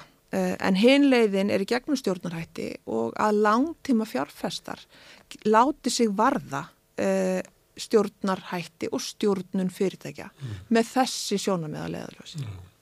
Herðu, lífriðsjónur eru gríðarlega stórir og þú er nefnt þarna eh, sjóðina í Skandinavíu sem eru bara svipaðir og svo náttúrulega eitt sjóður sem er sérstakur sem er norski ólíusjóðurinn sem er eftirlunasjóður normanna. Hann er allt annarar tegundar. Þar, taka þeir hérna, eh, fundi fjö sem allt innu finnst og þeir taka það eh, og hafa það, geima það sérstaklega. Við eins og, og hinn Norðurlöndin, við tökum þetta hérna launatekjum og eh, bara að fara nálgast 20% hérna, er 19,5 eða eitthvað og eh, er það er það óvefengjanlega snjöllleið að taka svona stóran hluta ég tala nú ekki nú er að því að Ísland er svo lítið og kannski eru Daniel endi í þessu sama er, þá með krafan um að, að það veri fjárfest þetta einhverstar annar staðar þannig að við erum byrjað að flytja kannski endur með því að flytja helmingin af öllum launatekjum okkar út í heim til að fjárfesta þar. Mm. Er þetta ekki svona eins og blóðtaka úr hagkerfinu? Ættum við ekki bara að nota þessa peninga til að sefla hérna hagkerfi núna? Ég, þetta er svona rökarna uppsöfnunarkerfinu og svo gegnumstreymiskerfinu sem að marga þjóðir hafa valið. Já, en sko ástæðan fyrir því að, að það er óumdeinanlega snjált Mm, að hafa, hafa söfnunarkerfi Mm. er þetta áttunda undirveldar. Þú þarft ekki að láta einhvern annan vinna fyrir hverju einustu krónu sem þú eyðir, Mm. heldur setur þetta inn í fyrirtækin sem vaksa Já. uh, og skapa uh, ávöxtun sem þú getur svo, svo reytti á. Já. Já. Þannig að þú þarft ekki að vinna fyrir öllum krónu sem þú eigið þegar þú orðin 67 og eldri. Já. Þetta er líkilættið. En eitt sem að maður heyrir sem andmæli við þessu er að, að segja um að við séum bara til einföldunar að, lífyrirsjóðinni sé að, fjárfæst í íslensku samfélagi. Og þeir hérna kaupa og smátt og smátt eigar orðið sko 70-80% öllu fyrirtækjunum og þeir eru alltaf að fjárfesta inn í, í, í, í kerfinu sjálfu. Þannig að ávöxtunar geta hérna, lífyrirsjóðina til að greiða eftirlunna fólki peninga þegar það fyrir eftirlun Já. er eiginlega bara geta samfélagsins til þess að greiða eftirluna fólki. Þannig að þegar upp er staðið skiptir ekki máli hvort þetta sé gegnumstreymiskerfi því að endanu þá fær fólki bara það borgað út úr kerfinu sem að sko stóra hagkerfi getur borgað. Nei, Nei. þetta virkar ekki svo leiðis. Nei. Uh, sko, við erum með helmingin af uh, tekjunum, uh, uh, sjóðunum okkar í Erlendis. Þannig að aðrir eru að búa til verði fyrir okkur sem eru fyrir utan landstennina. Það er kannski eðli krafa að eitthvað setja eftir hér til þess að fjármagna fyrirtækin. Þú myndir vilja að megnið af yðgjöldunum færi út til ástunar. Já, Til ég myndi segja sko að ég vil auðvitað að fólk hafi það sem best í ellinni og það er háð því hversu vel tekst til að, að, að hérna ávöxta og af því að þetta fer saman þess að sem við kallum í hagfræðinni incentive compatible, það eru allir sem í rauninni hafa hag af þessu kerfi. Vegna þess að fyrirtækin fá þá aðganga fjármagni. E, starfsfólki fær, fær hérna e, e, vinnu Eh, og eftirluna þegarnir þurfi ekki, að ekki að vinna sér einn baki brotni hver einustu krónu sem þeir eiga. eiga. Hanna, og ríkið náttúrulega fær skattiðkjur að þessu. En Og, svo reyndar í Íslandi þá tapa lífyrirsjóðunir alltaf peningunum okkur á leiðinni þannig að kannski fáum við ekkert meira. Já, það, gera, það, er alltaf einhver tap og alltaf einhver hagnar. Veist, það- þess vegna erum við með áhættu dreifingu. Veist. Og þegar menn er að tala um það sko, að, fyrir, að, að kerfisjóður eru stórt, ég, ég, það getur verið að, að það sé að farið að verða þristingur á verð af því þeir fá ekki að fara út úr kerfinu. Og ég meina, eh, normenn eru með allan sinn sjóð fyrir utan landstennina sem var mjög skynsalega aðstöðun. Mjög fjárfesta innanlands. Af hverju ekki? að til þess að valdi ekki bara verðbólgu og eignabólu Akkurat. eins og lífyrirsjóðnir er alltaf að búa til Já. hérna.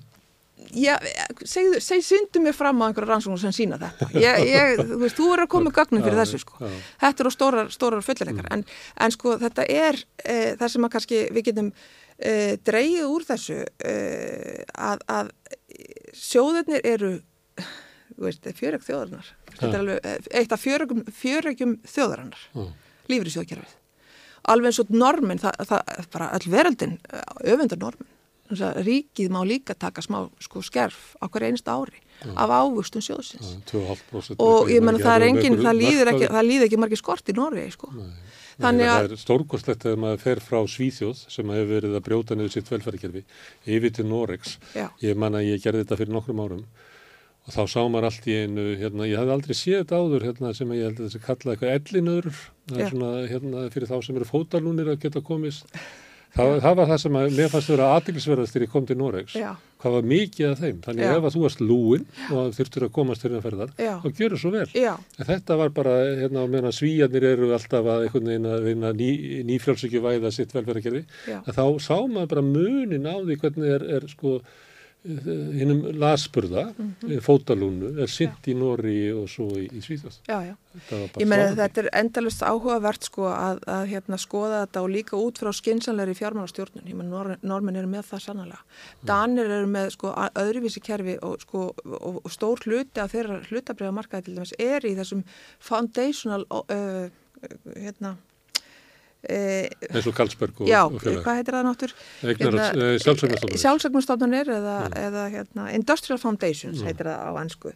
Uh, þar sem að, að eru bara fólk sem áakett í, í félagunum sem er hérna bú, sem er búið, svona er bara valið af allir stjórnundir sem taka sæti og svo er það í, í sko, tilgangi félagsins að leggja uh, sam, samfélaginu lið en mundu að þeir voru, þetta var allt sem að setja upp þetta fyrir 1900 mm. uh, þetta var sett upp af fólki sem hafði raunverulega sko liði skort og hafði verið undir okki Mm. og það er kannski það sem að maður ef maður fer út í fílasofíuna sko, og hugsa út í það hvernig þessi samfélag hafa byggst upp og það er, þetta er allt saman það sem við gotum í hafraðinu past dependent, þetta er við erum á einhverjum stað vegna þess hvaðan við komum mm. Uh, og við þurfum að gefa okkur aðeins sko tækifæri hérna á Íslandi að, þó það sé nú ekki komið ekki fram í þessum kabla sko að, að það er tvent kannski sem við þurfum að hafa í huga. Fyrsta lagi eru hagkerfi sko ekki hérna top, top down, mm. heldur er þetta ringur þetta er ringur hann hefur ekki upp á vendi. Mm. og því, stær, því starri sem ringur verður því betur náum við utanum, utanum alla mm. en samsetningin á ringnum hún getur verið með ólíkum hætti og í Danmörk er það þannig að það er stór hluti af þessum fyrirtækjum er ekki þú veist þessi hefbundnu hámörkun hagnaðar fyrirtæki mm. e ekkert fyrirtæki á á, á, e, á, e, á Norðurlöndunum hefur lögbúin að skildu að, að, að færa að hérna, hlutöfum alltaf aukin og aukin arð mm. það er ekki þannig Þeim hefur farnast vel þessu fyrirtæki Þeim nefnilega hefur farnast vel og, og, og ekki síst í gegnum samvinnu sína og fjölbreyti leika e, efnahagskerfisins fjölbreytileika eh, eignarhalds og ábyrgra fjármálastjórnunar, bara þú veist. Og, og hérna hvað sem hver vil segja varandi, varandi sko svona arð og arðsemis kröfur og svo framvegis það er með ekki verið háar þannig að það er ekki sjálfbært. Við, við bara, við, við getum ekki við höfum ekki, ekki auðlundir Uh, veist, það er bara utan að koma til þættir hlýðar skilirði sem að gera það verkum að við getum ekki verið með of háar aðsefnarkonum, það er ekki skinsamlegt mm. það er ekki sjálfbært. Mm, það skadar samfélagið. Já. getur ekki verið að, að hérna, fólk fyrir 150 árum eins og sem að, að tekur síðan þátt í að búa til Karlsberg og, og fleiri þessa foundations að þeirra hugsun hafi verið svo að fyrir Karlsberg og það eru auðvitað alltaf eins og það var þegar maður kom fyrst til Damerkur hérna svona fyrir 1980 að það var náttúrulega bara lifibröð Karlsberg nátengt í hvernig þjóðin hafði það. Og með túborg þetta var bara, þeir bara voru að tappa af þjóðinu þannig að ef þjóðin hafði það gott þá var það bara sveiflega spil. Má ekki vera að þeir hafi hugsað sér svo að ef að dönum líður vel að þá mun Karlsberg líða vel og það er það sem að maður er veltað fyrir sig hvort að lífyrirsjónu getur ekki hugsað að hérna, við ættum að fara í því að byggja upp Íslands samfélag þannig að Íslands samfélag hefði það sem allra best. Þannig það er langt besta leiðin fyrir okkur til þess að ávasta fyrir hérna fólki sem er að, er að geima eftirlunni sín hjá okkur.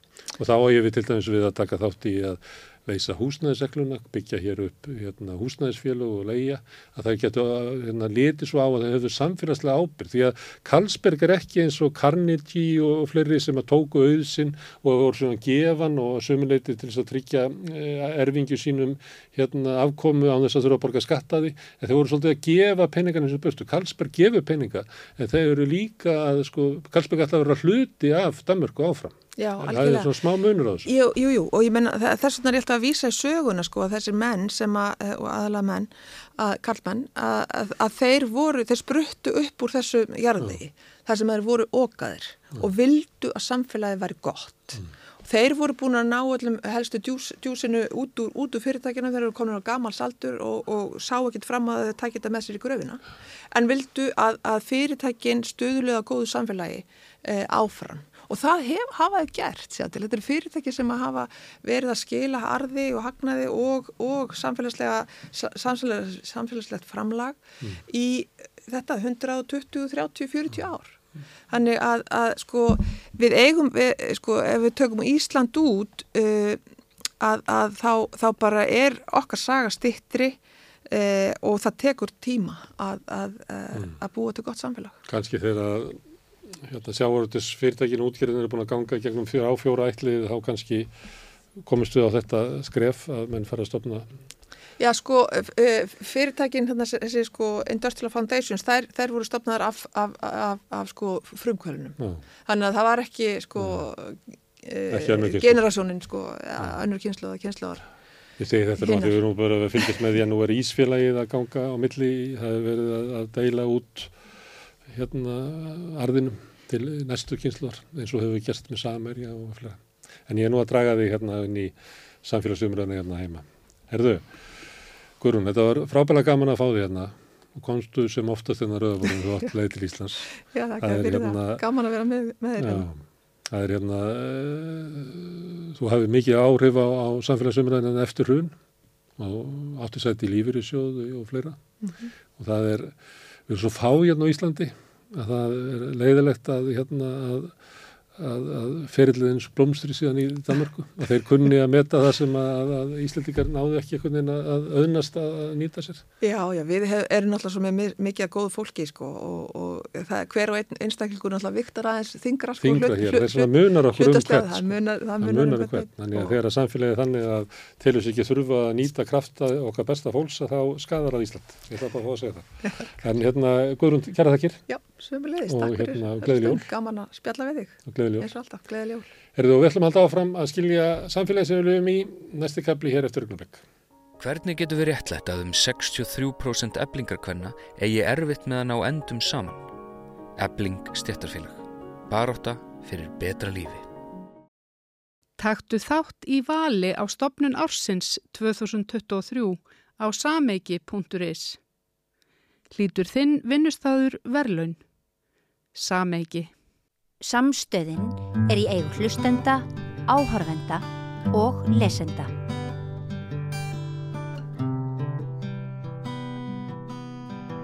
Já, við ætlum halda áfram að tala um húsnæðismál eins og við höfum oft gert hérna við rauðaborðið og nú ætlum við að gera það með þeim hætti að við ætlum að fá Pál Gunnlaugsson til að segja okkur sögu búsetta sem var eh, fyrirbriði og er fyrirbriði sem var ætlað að, kannski bæta aðeins húsnæðismarkaðan á Íslandi. Eh, Pál, það ekki rétt? Það var nú ætlunin í upphafi. Og, og það má kannski segja það að um, ég hef verið að skrifa sögu búseta Já ég, hérna, 40 ég er með bókina hérna. Og þess vegna fekk ég þig. já, já, já, já, ég þykist vita það ég þykist vita það. Um, það eru sagt 40 ár núna í haust síðan félagi var stofnað.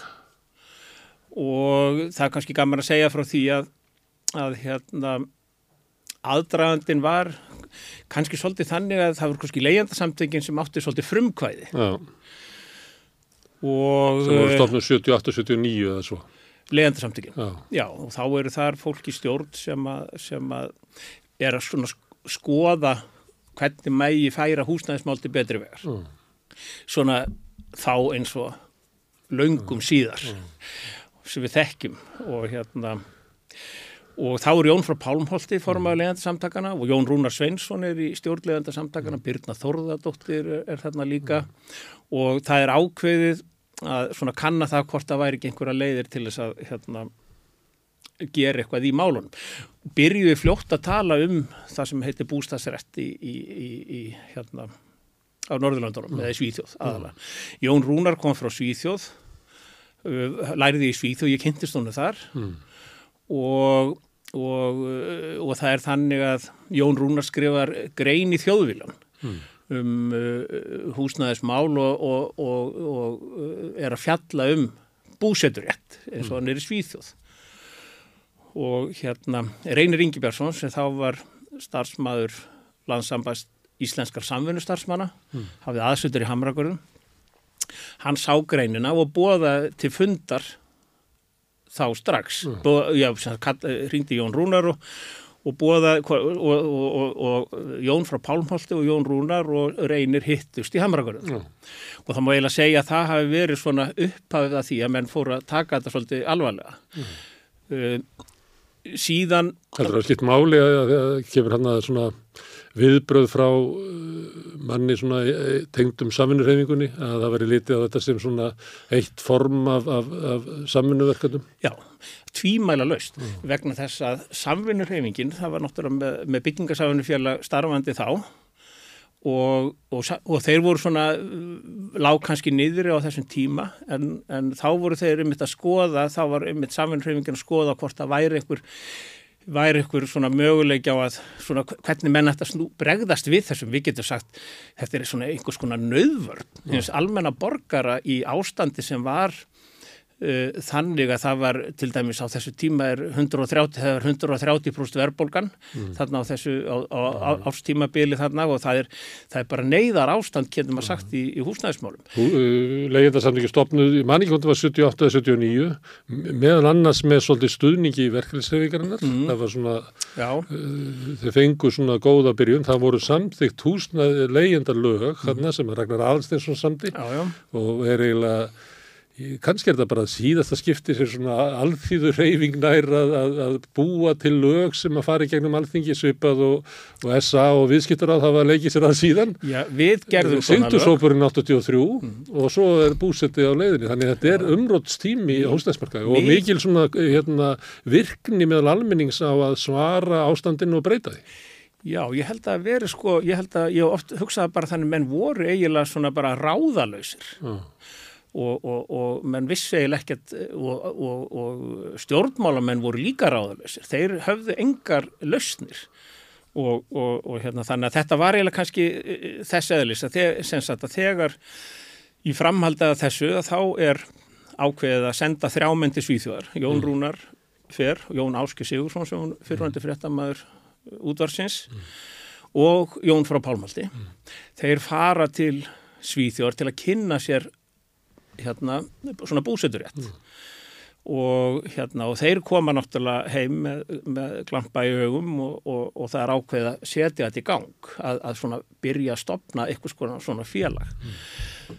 og þá er það þannig að það, er, það eru nokkrir meðal annars ég sko sem eru eru nýkomið frá Svíðþjóð við náttúrulega þekktum þetta form að einhverju leiti við ímis búið í leigu íbúðum eða búsuturéttar íbúðum eða stúdenta íbúðum eða, eða hvaða var mm. og, og Jón Rúnar kannski svona uh, hérna svona kallaði til fólk sem að hann þekkti frá Lundi mm. Hann hafði náttúrulega mentast í þessu fræðum. Hann hafði mentast í þessu fræðum. Og, og hans prófessor og fleiri voru sko gerendur í miljónaverkefninu. Til dæmis, til og, dæmis. Og hann hefur allatíð síðan verið sko ótrúlega tengdur sko í svona rannsóknir um húsnæðismálum alla Európa. Ég held að hann sé, hann hefur, hann hefur rannsakað húsnæðismál og skrifað um húsnæðismál uh, að alla tíð síðan. Já, já. Það verður til þess að það kemur saman svona hópur og það er ákveð að stopna húsnæðisamvinnufélag mm. og, og, og síðan fer einhvern veginn alltaf stað. Þetta er náttúrulega gríðarlega um, svona ferast að mikil svona reyfing í, í, í þjóðfélaginu og, og það er mikla umfjöllun mm. og hérna mestmægni svona jákvæða umfjöllun vil ég, vil ég meina og... Hverju voru neikvæðar þá? Já, það er nú að segja, sko, þetta var allt mjög jákvægt, mm. svona til að byrja með og allir voru að hérna, tala vel um þetta, að því að það var svo mikil þörf til, fyrir eitthvað ný, eh, mm. svona menn, menn vildu fá einhverja aðra lausnir mm. og það má kannski segja, skjóta því inn í hér að, að hérna, sko, eftir stríð þegar, þegar menn fara svona leggja spilin upp á nýtt í bara öllum þjóðfjölum, getur við sagt, að þá velja Norðurlöndin að fara í húsnæðisuppbyggingu mm. og þá setja þeir sem mark með að 30% skulu vera leiguýbúðir, 30% skulu vera búsöturéttar íbúðir og 30% skulu vera séregnar íbúðir mm.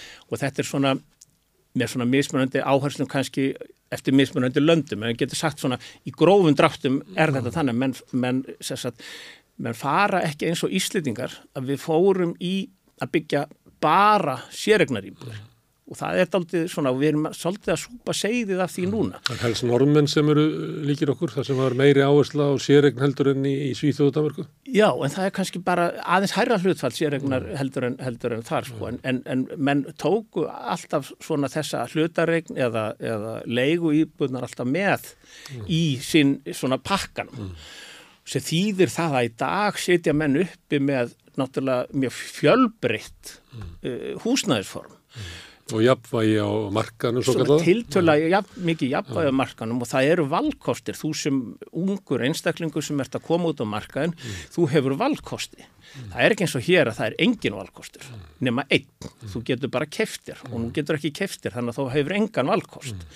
Og það er það sem, að, sem að er svona miðunurinn kannski á Íslandi og Norðurlandunum hvað þetta varðar. En sagt, við förum út í þetta og, við, það, og ég segi, eins og ég segi það er mikill svona jákvæður ströymur, mikill svona mm. jákvæður meðbyr mm. með félaginu. Ég er að veida til að segja mér hverju voru neikvæðir. Já, ég veit það. Ef allir eru jákvæðir þá er, er, er fljóðleira að fara yfir þá sem voru neikvæðir. Það er sagt frá því, sagt frá því í bókinni líka sko að hérna, þetta var alltaf, við, við svimum svona svolítið, svolítið á öldum svona, þú veist, velgengninar vorum með byr undir báða vangi og vindin í bakið og allt.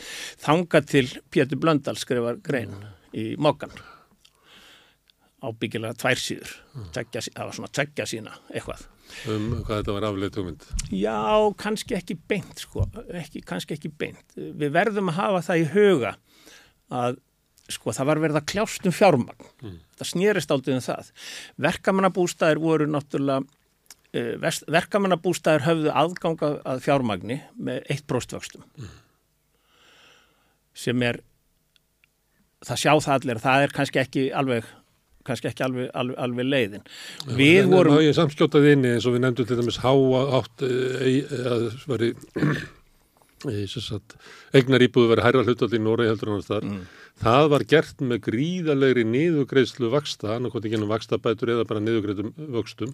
Og það, og það helst alveg þannig að þeir engabætu eða, eða hættu að reka svona íbúðalarsjóði eins og við gerðum. Húsbankan. Já, þannig að, þannig að það er víða um heim hérna, að e, sérregn almennings, venjulegs launafólks og lálaunafólks er alltaf byggð á sko gríðalegri sko stuðningi eins og opibræð því að Því að eh, láleina fólk og millitekki fólk eignast ekki íbúðir á vildum eh, frálsum markaði, það bara gerist ekki. Síðan finnst mér eh, bara út af Já. því sem þú segir þar sko að það, það er líka miskilningur halda það að sérregnin hafi ekki verið niðugreitt. Nei, hún var það. Hún með, og er hér. Á, á, með vakstabótum. Með vakstabótum, með, með hérna, menn með takk út sérregnasparnað og borgi ekki skatta og svona. Stæðstu, Þetta eru náttúrulega niðugreisli. Stæðsti stuðningurinn í núna til húsnæðismála er í þessu formi að, að fólk sagt, sem ámikla sérregn getur notaða til þess að greiða niður húsnæðismála Það er daldið þannig þannig að það er, það er líka svona, það er svona eitt miskilningur sem er mm. svolítið í gangi að þeir sem eigi sínar íbúðir eða sérregn sé vegna þess að hún þurfi ekki það þarf ekki stuðning ríkisins það er bara mm. alls ekki þannig mm. Og en svo ég bara halda áfram hérna frá fara aftur á bak og aftur sko að hérna Við erum á ég satt fyrir það. Hvað, hvað Pétur vildi? Já, já, Pétur náttúrulega hafði alveg rétt fyrir sér sko, -huh. að mörgu leiti vegna þess að uh, byggingasjóðu verkamanna, hann hafði náttúrulega úr ákveðnu, ákveðnu hérna, fjármagni að spila. Mm.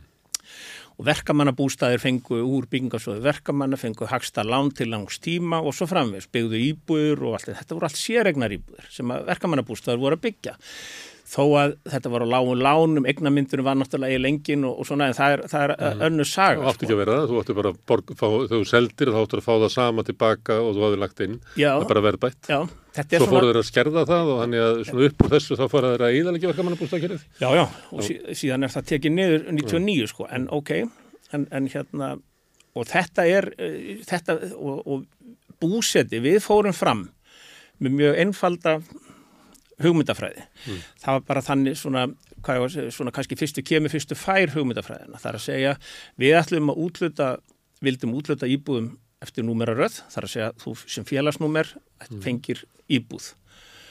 Uh, við ætlum ekki að byggja fyrir, við vildum að allir væri með. Við mm. ætlum að byggja fyrir alla.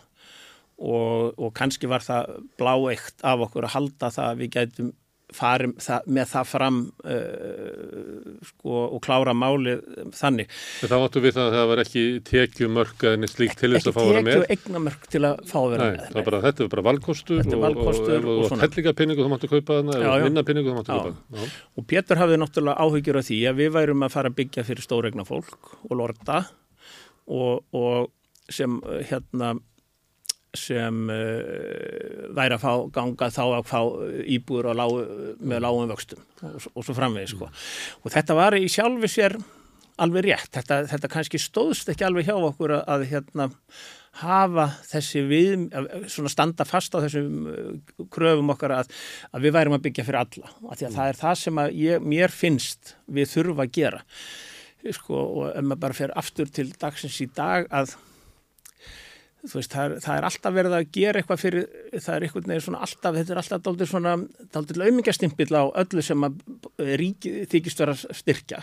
Það er að segja að þú mátt ekki eiga neitt, þú mátt ekki hafa neina tegjur og eitthvað svona, það, það er byggist alltaf á því.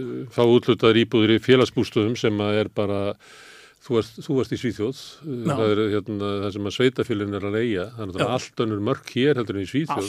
Þú þarf til að sanna að þú eigir ekki fyrir eh, neinu, að þú sett eiginlega niðurbrotin á sál og líkama Já. til að fá að vera á bygglistarinn. En ástæðin er svo að við eigum svo fáar íbúður, þannig að við erum að náttúrulega dreifa þeim, við erum með, við erum með þær, þær, þeim er ráðstafað eftir þörf Mm. Við ætlum ekki að gera það. Við ætlum bara að rásta eftir númur, við ætlum ekki að spyrja fólk hvað var með mikið tegjur eða hvað, var það ekkert um það. Og svo held ég að það sé þannig að að, að hérna ég, ég, ég, ég hræðist ekkert hérna einhverju holskeflu ríkra sem að hérna fyrir að taka þetta allt yfir sko. bara, við vorum aldrei neitt hrættur um það mm. það var gerð könnum með félagsmanna, það kom í ljósa 90% okkar félagsmanna var undir tekju og eignamörk og minna, þetta, þetta, þannig að þetta var ekki svona hættulegt. En auðvitað má segja það kannski, þið ofinbera eh, og, og Pétur sér það að við ætlum, að, ætlum okkur að fá láns á 1% vöxtum eins og verkamannabústæðir við ætlum að byggja fyrir fólk sem þarf ekki á því að halda meðan þá fjármækti verkamannabústæða skerðist mm. og þeir get ekki byggt fyrir fólk sem þarf á því að halda. Og þetta er alveg satt og rétt sko, mm. svo langt sem það nær. Mm. Góð gaggrinni. Já, þetta var alveg góð gaggrinni og, og, og hún var svona málefnaleg og, og þetta var bara fínt sko og við er, vorum líka, við höfðum þá skoðun að, við, að styrkja kerfið ætti ekki að vera með niðurgröður lánum heldur ætti styrkja kerfið að vera þannig að þú bara ferð í þína íbúð eins og til dæmi sjá okkur eða einhver staðar mm. og svo ferðu styrk í samræmi skattskíslu eða eitthvað slíkt mm. veist, að, að það séu bara allir einhvern veginn undir sama hatti að það séu vextabætur, húsalögubætur, barnabætur og slíkar bætur sem að bæti þér það að þú sért kannski ekki með eins háa tekjur. Tekjutengja þannig. Þetta er nýfrjálfsvíkju afstæðan, þetta er ekki almannatryggingar kratana. Nei, við, við, sko, þetta er sko... En við, við erum að koma inn á tímafél nýfrjálfsvíkjuna, þannig að þóttu þessi gaggrinni nýfrjálfsvíkjunar um að væri verið að, að, að ríki kallin væri að fá e, eftir laun og þannig var þetta Já. byrjað að heyrast. En það verður að taka, taka nótis á því að, að í því umhverju sem við erum, þá erum við að kljást um, um, um fjármaks sem er á mjög lágumvöxtum mm. til langstíma svo að það, það endaði með því að þegar við fengum okkar fyrsta lán mm. og fyrstu lán og öll lán eh, nánast svona fyrstu árin þá vorum við undir þetta uh, sett mm. og það maður kannski segja það að gaggrinni kom síðan líka þegar ákveðið er að uh, Alexander Stefansson var það sem ger, uh, kom með frumvarpin það að þetta skerða framlög til verkamannabústaða þannig að það væri ekki náma 80% láni staðin fyrir 90% mm. og búseti gæti verið með mm. og þá náttúrulega fór verkefælisreifingin og allt batterið að stað og sagði sko búseti er að ekki bara að valda því að við erum að fá lægri, uh, lægra hlutfall, lánshlutfall heldur er líka verið að skerða framlögin mm. til. Þið er bara komin á kafi í kökudósinu þeirra? Já. Við vorum bara komin daldi á kafi í kökudósanni á þeim mm. og það er svona sem skiljanlegt svona frá þeirra sjónarhrótni síðan. Sko. Mm. Við höfðum í sjálfu sér ekkert bakland. Þú sagðir að þetta verður kannski samvinnurreifing og eitthvað samvinnufélag. Sko þetta er náttúrulega samvinnufélag en þetta bara spratt upp úr, það var ekkert verkalisfélag eða neitt sem að mm. Eða stjórnmálaflokkur eða neitt batteri á bak við okkur. Og svo komist menna því að það voru geinsinn til lög um húsnæðarsamfunnufjöld þar sé að það voru engin lög utanum það að það mætti ráðstafa íbúið með þessum hætti. Þú veist hvernig, hvernig á að haga endugreislun, hvernig á að rekna búsötugjaldið og hvernig á að bara, bara rammi um það hvernig þetta væri. Mm. öll lögin voru náttúrulega bara um verkamannabústaði mm.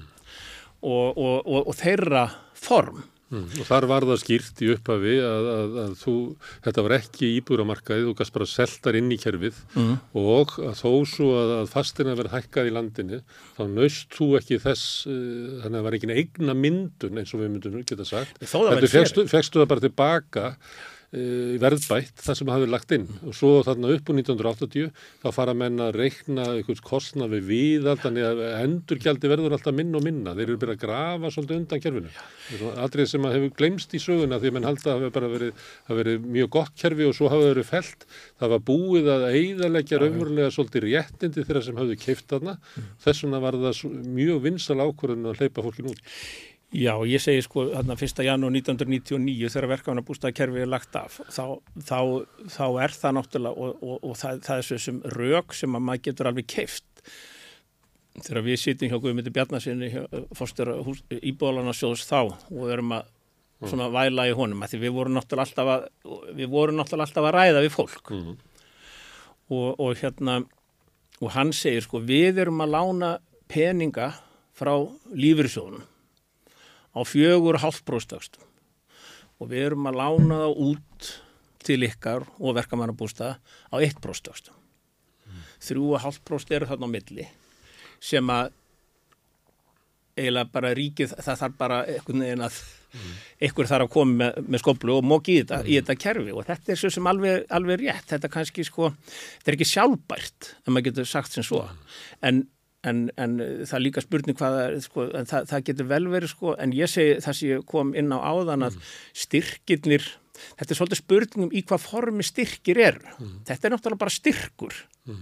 þetta er bara húsnæðis aðstóð mm. til fólk sem á, á minna og mm. það er bara þjóðfélag hefur ákveðið það, við skulum bara hafa þetta svona en það er kannski hægt að hafa þetta einhvern veginn öðruvísi þegar verkamannabústaðar lagt niður þá eru rúmlega 11.000 íbúður í kerfinu mm. og og þeim er bara... Það eru líklega 25.000 í dag ef við höfum haldið áfram. Líklega. Já. Og sko í staðin fyrir að sko, finna eitthvað annað form og halda þessu inn í kerfin og halda áfram að reka þessar íbúður á einhvers konar félagslegum fórsöndum mm. ef maður, ef maður mm. vill það mm. en hafa þá mistósti ráðstöðunar rétt að einhverju leiti yfir þessum íbúðum þá voru þeim bara ítt út og þá standa menn eiginlega bara á, á byrjunarreitt mm. hvað varðar svona félagslegar íbúabíkir. En, en var það þannig að búseti fekk 1% eh, eh, lán? Já. Alveg frá 83 til 99? Nei, 88 byggjum við okkur fyrsta hús. Já. Og við, nei, síðan var, síðan var þetta sko, svo, þetta fór upp í 3,5 svo fór upp í 4,5 þetta var svona eh, daldið mismund. Mm. En, en 1% lán fenguð fyrstu árin mm. og, og, og hérna og þetta var náttúrulega sko þetta var náttúrulega mikil baráta uh, við uh, uh, þetta var mikil baráta segja nú glotti við fót sko. sko vegna þess að við vorum við, við vorum náttúrulega við gátum ekki fengið lóð af því að við vorum ekki með fjármagn mm. og við gátum ekki fengið fjármagn af því við vorum ekki með lóð mm. og svo fengum við lóð og þá fengum við bara fjármagn fyrir sko helmingnum að íbúðunum með alla það sko. Mm. Veist, þetta var svona alltaf svona doldi boltalikur og þetta var þanga til að við Þannig að þið nötuð aldrei svona almennileg stuðning stjórnvalda til þess að komu þessu kerfi Nei, það var aldrei, með, voru aldrei með okkur eitthvað, það var mm. alltaf svona doldi tókstrið um peningarnir voru náttúrulega fágætir, þessir ódýru peningar voru náttúrulega fágætir og við vorum að kljást við verkefælisreifingar, við vorum að kljást við stóra aðela sem að töldu sér hafa uh, þessa peninga. En, en, en, en uh, hérna en það var þannig og kannski gaman að segja frá því og, og að hérna það endaði með því að, að hérna, við fengum lóð hjá Reykjavíkuborg mm. og, og Davíð Ottsson hann hann saði sér væri alveg sama hvernig menn fjármögnuðu sína lóðir. Við, það bara að uh, sko, hann skiptist þér ekkert af því. Mm. eða fjármögnuðu sínar íbúður Íbúður, hann var lóðum útlutað Þannig var lóðum útlutað Það var ekki verið að bjóða þér á uppbóð eins og núna. Nei, nei, hann útlutaði bara Það er ekki 26 miljón lóðabrask álaga á, á, á íbúðin á þau að byrja að byggja hana. Já, þá vartu komið bara, sko, þá vartu komið 30 ár fram í tíma já, sko. já.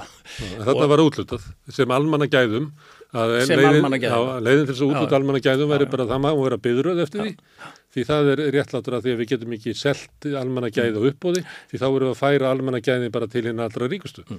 En málega það, hann, hann, við fengum, í, fengum lóð hjá honum og þá var það í fyrir eh, og, og við, við, við svona unnum aðeins með þá lóð og, og stóðum uppi með það að við ætlum að byggja þarna 46 eh, íbúður mm. einu húsi, háhísi nýju hæðar frostafóldin og, og, og svo fengum við 15 lán. Lán til bygginga 15 íbúða. Og hérna og þá er maður svona, byrju, hvernig á maður maður að snúa sér í þessu? Og að því að við höfum enga, meina, það var engi sem var að lána okkur og við gáttum ekki þetta, það var bara þannig að við- við fengjum, fengum Jóhann Bergþórsson, hagvirki, lið með okkur. Og hann tekur svona bara hann bara byrjar. Og, og, og hérna og uh, Svo... Þið tröstu þess að þið fáið þá lána næsta ári fyrir Já, restinni eða? bara, þú veist, bara, það, það, það, þú veist, það er með svona hluti eins og svo marga aðra, að þú til þess að, uh, sko, sko, til þess að fá lán, þá verður að vera með lóð Mm. og það verður einhver að taka skrefið og segja bara, ok, fá, hérna fáið þið lóðina, þá gáttum við fara og segja, við verðum að fá lán, við erum komið með lóð og svo vorum við komið með lóðina og þá voru það bara 15 og, og Jói ákveður að fara að stað með okkur. Og, og hérna byrjar að byggja. Allt í lagi með það, tökum þetta bara svona rólega. Og svo næsta ár þá fáum við 15 íbúður þá erum komið með 30 lán fyrir 46 íbúðum. Og þá er tekinn svo á, sko, og þá er eiginlega sko, við getum eiginlega ekki við getum eiginlega ekki svona hvað var að segja, teiktan lengur á því að þetta kannski gangi ekki upp að, að hérna hann að, að hann byggi og við eigum ekki, eigum ekki neitt sko. Við áttum náttúrulega einu sinni frá fólkur eða framla fólksins eða neitt sko. Og hérna og, og þá er það ákveð að fara þá leðina að, að uh, hagvirki tekur yfir lóðina og ætlar að selja 15 íbúður á frjálsumarkaði og stendur þá uppi með það að hann er með 30 íbúður hérna, í búsittirétt og 15 íbúður í, í, í hérna í hérna. Frjálsri sölu. Og þá var svona spurningi myndi, gengur það, er, það, er þetta Virkar húsfélagi með áttu við það? já, virkar húsfélagi með, með þessu og svona, hann, þetta var, var svona, en það var ákveð að við, hann tekur yfirlóðina og, og fer að taka ábyrð á þessu bara, að ef þess að 15 íbúður fari ekki, þá er það hans, svona, við erum bara með 30 íbúður og og svoleið hungum það svo áður en hann eiginlega byrjar að selja og, og svona og svo heldur hann bara áfram að byggja og svona og svo áður en hann fyrir að selja þá fáum við aftur, þá fáum við 16 lán til að klára þetta. Og, og, og þá er bara þá er bara klárað. Og þá er þetta klárað 1988 og húsið er tekið í nótkuna og fimm ára ammali félagsins. Og þetta var svona ótrúlega barningur þú veist, alla leið að gera þetta. Og barningurinn snýrist líka um það, við vorum bara ég var bara ykkur, ykkur, sko, við vorum bara allir í ykkur vinnu og, og, og, og hérna alls konar fólk og, og þá kemur að það þarf að selja íbúðunar og það þarf að reikna út búsutur það þarf að tryggja og það þarf að gera allt þetta sem þarf að gera og þá er einhvern veginn félagið þú veist, þetta voru bara svona hugssjónamenn og, og, og, og, og, og gabugsar, sko, þannig séð. Og að, að þá byrjar að reyna að búa til félag úr þessu. Ég hafði verið, sko, var, var í hérna, stjórnin allan tíman og síðan ver, verði ég formar í tengslu við það að nú, nú þurfa að gera eitthvað í þessu, sko. Jón Rúnar er svona hugssjónamaður og hugsuður og, og, og, og sögumadur og hann var kannski ekki, ekki endilega í því að fara út búsitugjald og svoleiðis. Ekki ég heldur reyndar en ég menn það þurfti að taka aðeins öðruvís á þessu. Þannig að þá breytir félagi svolítið um, um, um stíl, það er farið að ráða fólk og, og, og svona farið að, að hérna, vinna í þessu svona eins og alvöru félag því þetta er náttúrulega fullt af peningum og þetta er fullt af peningum fyrir fólki sem er að koma og þetta er við, svo ertu að standa við stóru orðin, fólk væri ekki reikið út og, og, og svona væri trygg, tryggt og, og allt þetta var ekkit rosalega gaman að fara Líka þetta væri hagkvæmara. Það er svolítið sem hef- hefur með tímanum orðið erfiður að benda á að það sé endilega hagkvæmara að fara inn í búsutýbúð heldur en að sko, kaupa eða leiða. við erum náttúrulega auðvitað er það hagkvæmt að byggja á 1% vöxtum Það var þá, sko. Það er Já, lengur. ha, nefnilega það er bara ekki til lengur Nei. og væri hagkvæmt ef við fengjum það en, en hérna, það, er bara, það er bara þjóðfélagi sko. við vorum við vorum að sjálfsögða að reyna að byggja eins hagkvæmt og við gátum og svo var þetta náttúrulega hagkvæmt af því að vextinni voru svo lágur þar sé að gjöldin voru lág og, og allt þetta sko. síðan náttúrulega síðan náttúrulega byrjar þetta alltaf að breytast. Við förum upp í 3,5% vexti og 4,5% vexti og 6% vexti var nú verið að reyna eitthvað tíman og svona vegna þess að það var alltaf verið að finna eitthvað nýjar leiðir og það má segja það að á fjögur ára fresti kom nýr félagsmálar á þeirra og hann allar að setja mark, nota þessi fjögur ár til að setja mark sitt á húsnæðismálunum. Það var alltaf verið að breyta sísteminu sko. Og, og það var einn félagsmálaráður sem var lengi á þessum árum sem var eiginlega í sjö ár, Jóhanna Siguradóttir. Hún, hún stutt okkur, ekki? Jú, jú, hún stutt okkur uh, með ráð og dáð. Hún, hún, hún gerði það Já. og hún, hún uh, hérna, hún fór í kaup, kauplögukerfið og við komist svolítið inn í það sko en það var, það fór ansið mikil orka í, í þetta kaup, í, í kauplögukerfið sem að uh, kannski sko, jú það var ágætt, við komist að mm. í því en þú ert ekkert að fá henni hagstað lán og þá er maður kannski bara stattur þannig og það má kannski segja það líka á þessum tíma þá er það mjög óvenjulegt og það gildi náttúrulega þegar við byrjum með, með hagverki og frostafóldinni það var bara verkamannabústæðar sem byggðu íbúðir full kláraðar mm. annars var þetta bara svona heimilsíðinaður verktaka byggðu upp í fókelt eða tilbúin mm. treverk og svo bara fór, fekk fólk og fólk bara helt áfram og byrja að klára. Eldur fyrirtíkar úr ölgossum og, og teppi og, í staðin fyrir hurðar og já, allt þetta. Meina, þetta, var, þetta var svona stílinn þá. Við mm. ætlum náttúrulega alltaf að gera þetta fullbúið og það var ekkit, það er ekkit, sko verkamannabústaði voru með bara byggingafyrirtæki sem að, voru bara með svona apparat í kringum það. Við vorum ekki með neitt svona. Þannig að við þurftum aldrei að fara eh, svona búa til það kerfi að, menn, að, að skila með innréttingum mm. og skila með gólvefnum og, og svona. Þannig að það, það hérna og við þurftum að taka tillit til þess að við ætlum að eiga íbúðunar áfram og svona og þannig að við, það var við vildum náttúrulega spara en það, það verða að vera svona sko. Þannig að menn, menn fóru að hugsa um alls konar hluti sem að kannski verktakar voru ekki almennt að hugsa um og flestir verktakar voru ekkert á þessum buksunum sko. Þeir, þeir voru bara ekkert í samstarfi við innrettingavestmjör eða voru að mm. smíða innrettingar eða kaupa dúka eða, mm. eða gera en þeir voru bara að byggja upp í fókælt eða, eða tilbúindi treverk og, og það var svona svolítið erfileikum bundi að, að fá menn með sig í lið að, að gera og taka þessa áhættu. Það hefur verið kostnæðasamara þegar þið voru svona framalega í þessu og og þetta hafi kannski verið dýrara heldur en að varð senna eða hvað eða fór bara mikil vinna í þetta Nei, að svo að ganga frá því að skilja þessu fullbúnu Já, þú veist, þú, þau, voru bara ekki með fólk í það sko. þú veist, þetta er bara, þú veist, þú ert bara með fyrirtæki sem er að byggja og selja mm. það er engin starfsmæður sem sér um að innrétta eða dúgari eða neitt svona, sko, menn það er þannig að, þannig að við þurftum svolítið svona og svo, svo, svo voru við alltaf, þetta var nú ekki eina húsi í hérna Eh, frostafóldin vegna þess að þegar, þegar við erum komin á stað með frostafóldin þá förum við doldið svona hérna uh, förum við doldið svona ákaft áfram bæða út okkur lóðir mm. og reyna vel að verktaka til liðs við okkur við fáum góð viðbröðlæmis. Kóbósbær, eh, Kristján eh, hérna, Guðmundsson sem var, var bæjastur í Kóbói, hann sá strax, hann var náttúrulega samfunumæður, hann sá strax að þetta gæti verið gott fyrir Kóbó mm. og leitt okkur saman við byggðaverk og við fengum nokkur lán sko sem Kóbóur hafi fengið útlutað mm. í, í hérna Sigurður Valur í Bessastæðarreppi, hann sá þetta er alveg ídæl fyrir Bessastæðarreppa, mm. við þurfum ekki að standa í því að vera byggja íbúður fyrir fólk, við, við fáum búsetta til þess að gera þetta og við fáum að útluta fyrst íbúðunum með eitthvað svona, við gerum samning við, við bestastæðarrepp og þá lætur hann okkur hafa sín lán. Sem e, voru lánin til sko félagsleira íbúða? Voru, já, og við vorum að byggja náttúrulega félagsleira íbúða því við þurftum að útluta samkvæmt, mm. Eh, samkvæmt, eh, samkvæmt því.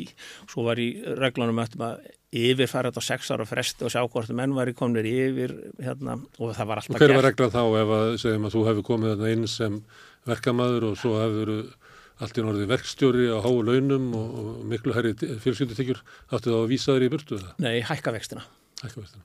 Já, það var, var svolítið þannig að lánin voru Já, ekki klumpur, heldur voru bundnar við íbúir og það voru bara, íbúi voru með ákveðin lánum mm. og ef, ef viðkomandi var með hæri tekjur þá var þurftan að hérna, uh, þá voru hækkaði vextir. Mm það gerðist ekki sko, við, við gerðum þetta reglulega og, og, og, og að, að hérna yfirfara og senda inn til íbúðalarnasjóðs og svona og þetta stóðst alltaf hrein. Mm. En við vorum, auðvitað vorum við bara byggja, við vorum að byggja í sjálfu sér eins og verkamannabústæðar á sömu kjörum mm. en nú veit ég hvernig verkamannabústæðir útlutuðu sínum íbúðum en við útlutuðum samkvæmt númerakerfunu þar að segja, það var bara það voru bara voru hérna 100 manns, 20 eru innan tekju eigna, þá fá þeir. Mm. það, og, og það var bara númerakerfi sem gildi Mamma fekk útlöldað í verkamannabústöðum, ég held að það verið svona 70 og kannski 2, 3, 4 hún þurfti að henni fannst það gríðarlega niðurlegandi hún Já. þurfti bæði að, að fara til Magnús Rætt Sveinssonar, sjálfstæðismanns mm. og Guðmundar Jó Guðmundssonar allþjóðbandaræsmanns og væla út íbúð fyrir Ég hef náttúrulega grunum það að það verið þannig við, við vorum aldrei í þessu mm. það gæti engi hringti var stundur hringti mig og spurt hvort ég geti redda íbúð ég bara, mm. þú veist ég hafði einhver möguleika mm. og, og, og, og það var svo sem ótrúlega kostur, ótrúlega, ótrúlega léttir fyrir bara batterið. Það þurfi ekki að vera gera upp á milli manna og, og svo framist, það bara númerakerfi gildi.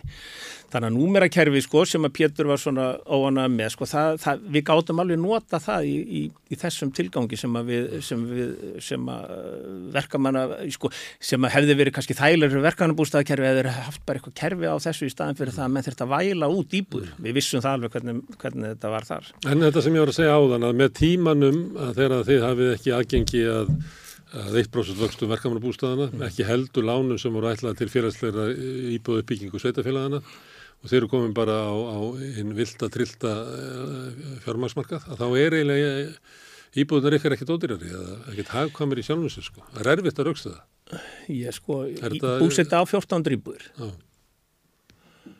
Uh, 200 þeirra eru ennþá í þessu kerfi sem ég var að lýsa á þann.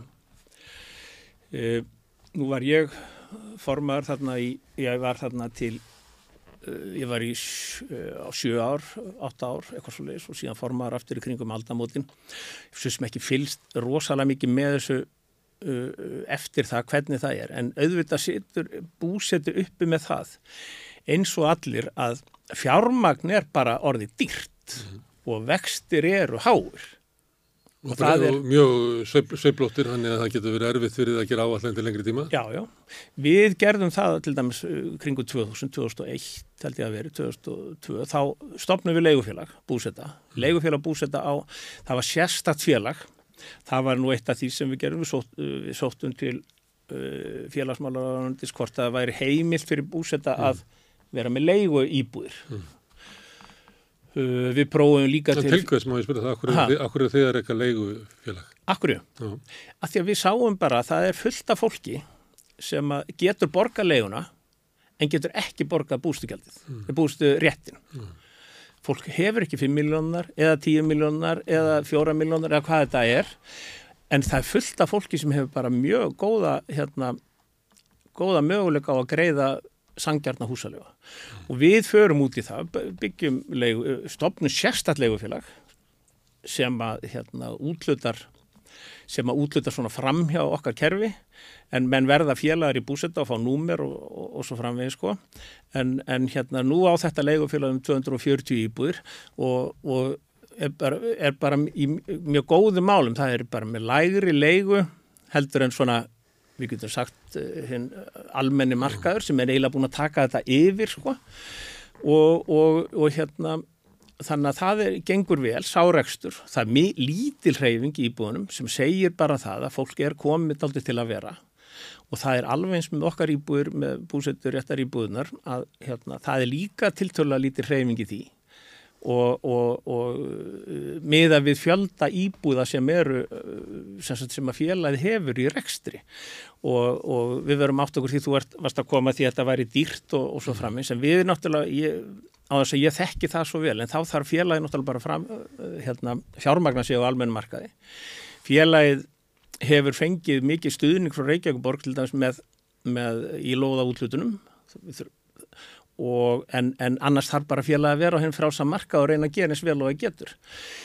Það hafði líka verið markmið og var alltaf markmið hjá okkur, við getum sagt að fyrstu 200 íbúður félagsins, sko, þegar við, þegar við, hérna, við aðfendum 100 íbúðuna í Kóbói, Trönihalla í Kóbói, þá eru við með íbúður í byggingu í Reykjavík, í Mosalsbæ, í Hafnafyrði og Altanesi og Garðabæ. Við erum, með, við erum að byggja, við erum með 250 íbúri byggingu á þeim tíma út um allt, að því að við vildum það var mikið svona áhuga mál hjá okkur að við værum sem víðast að við værum ekki að sapna þessu saman. Þurftu ekki líka stækka verið svo að lýsa í áðana þegar íbúðuna koma og þeir fara að útluta að þá þarf að vera geta í félaginu til þess að reikna búsutur rétt inn og, og það bara kallar á það þessi skrifstofana en þú getur ekki haft sko þryggjamanna skrifstofu í kringum 46 íbúður, þú bara liggur eins og mara ofan á þeim leiðundum þannig að þið verði bara að fjölga íbúðunum í kvelli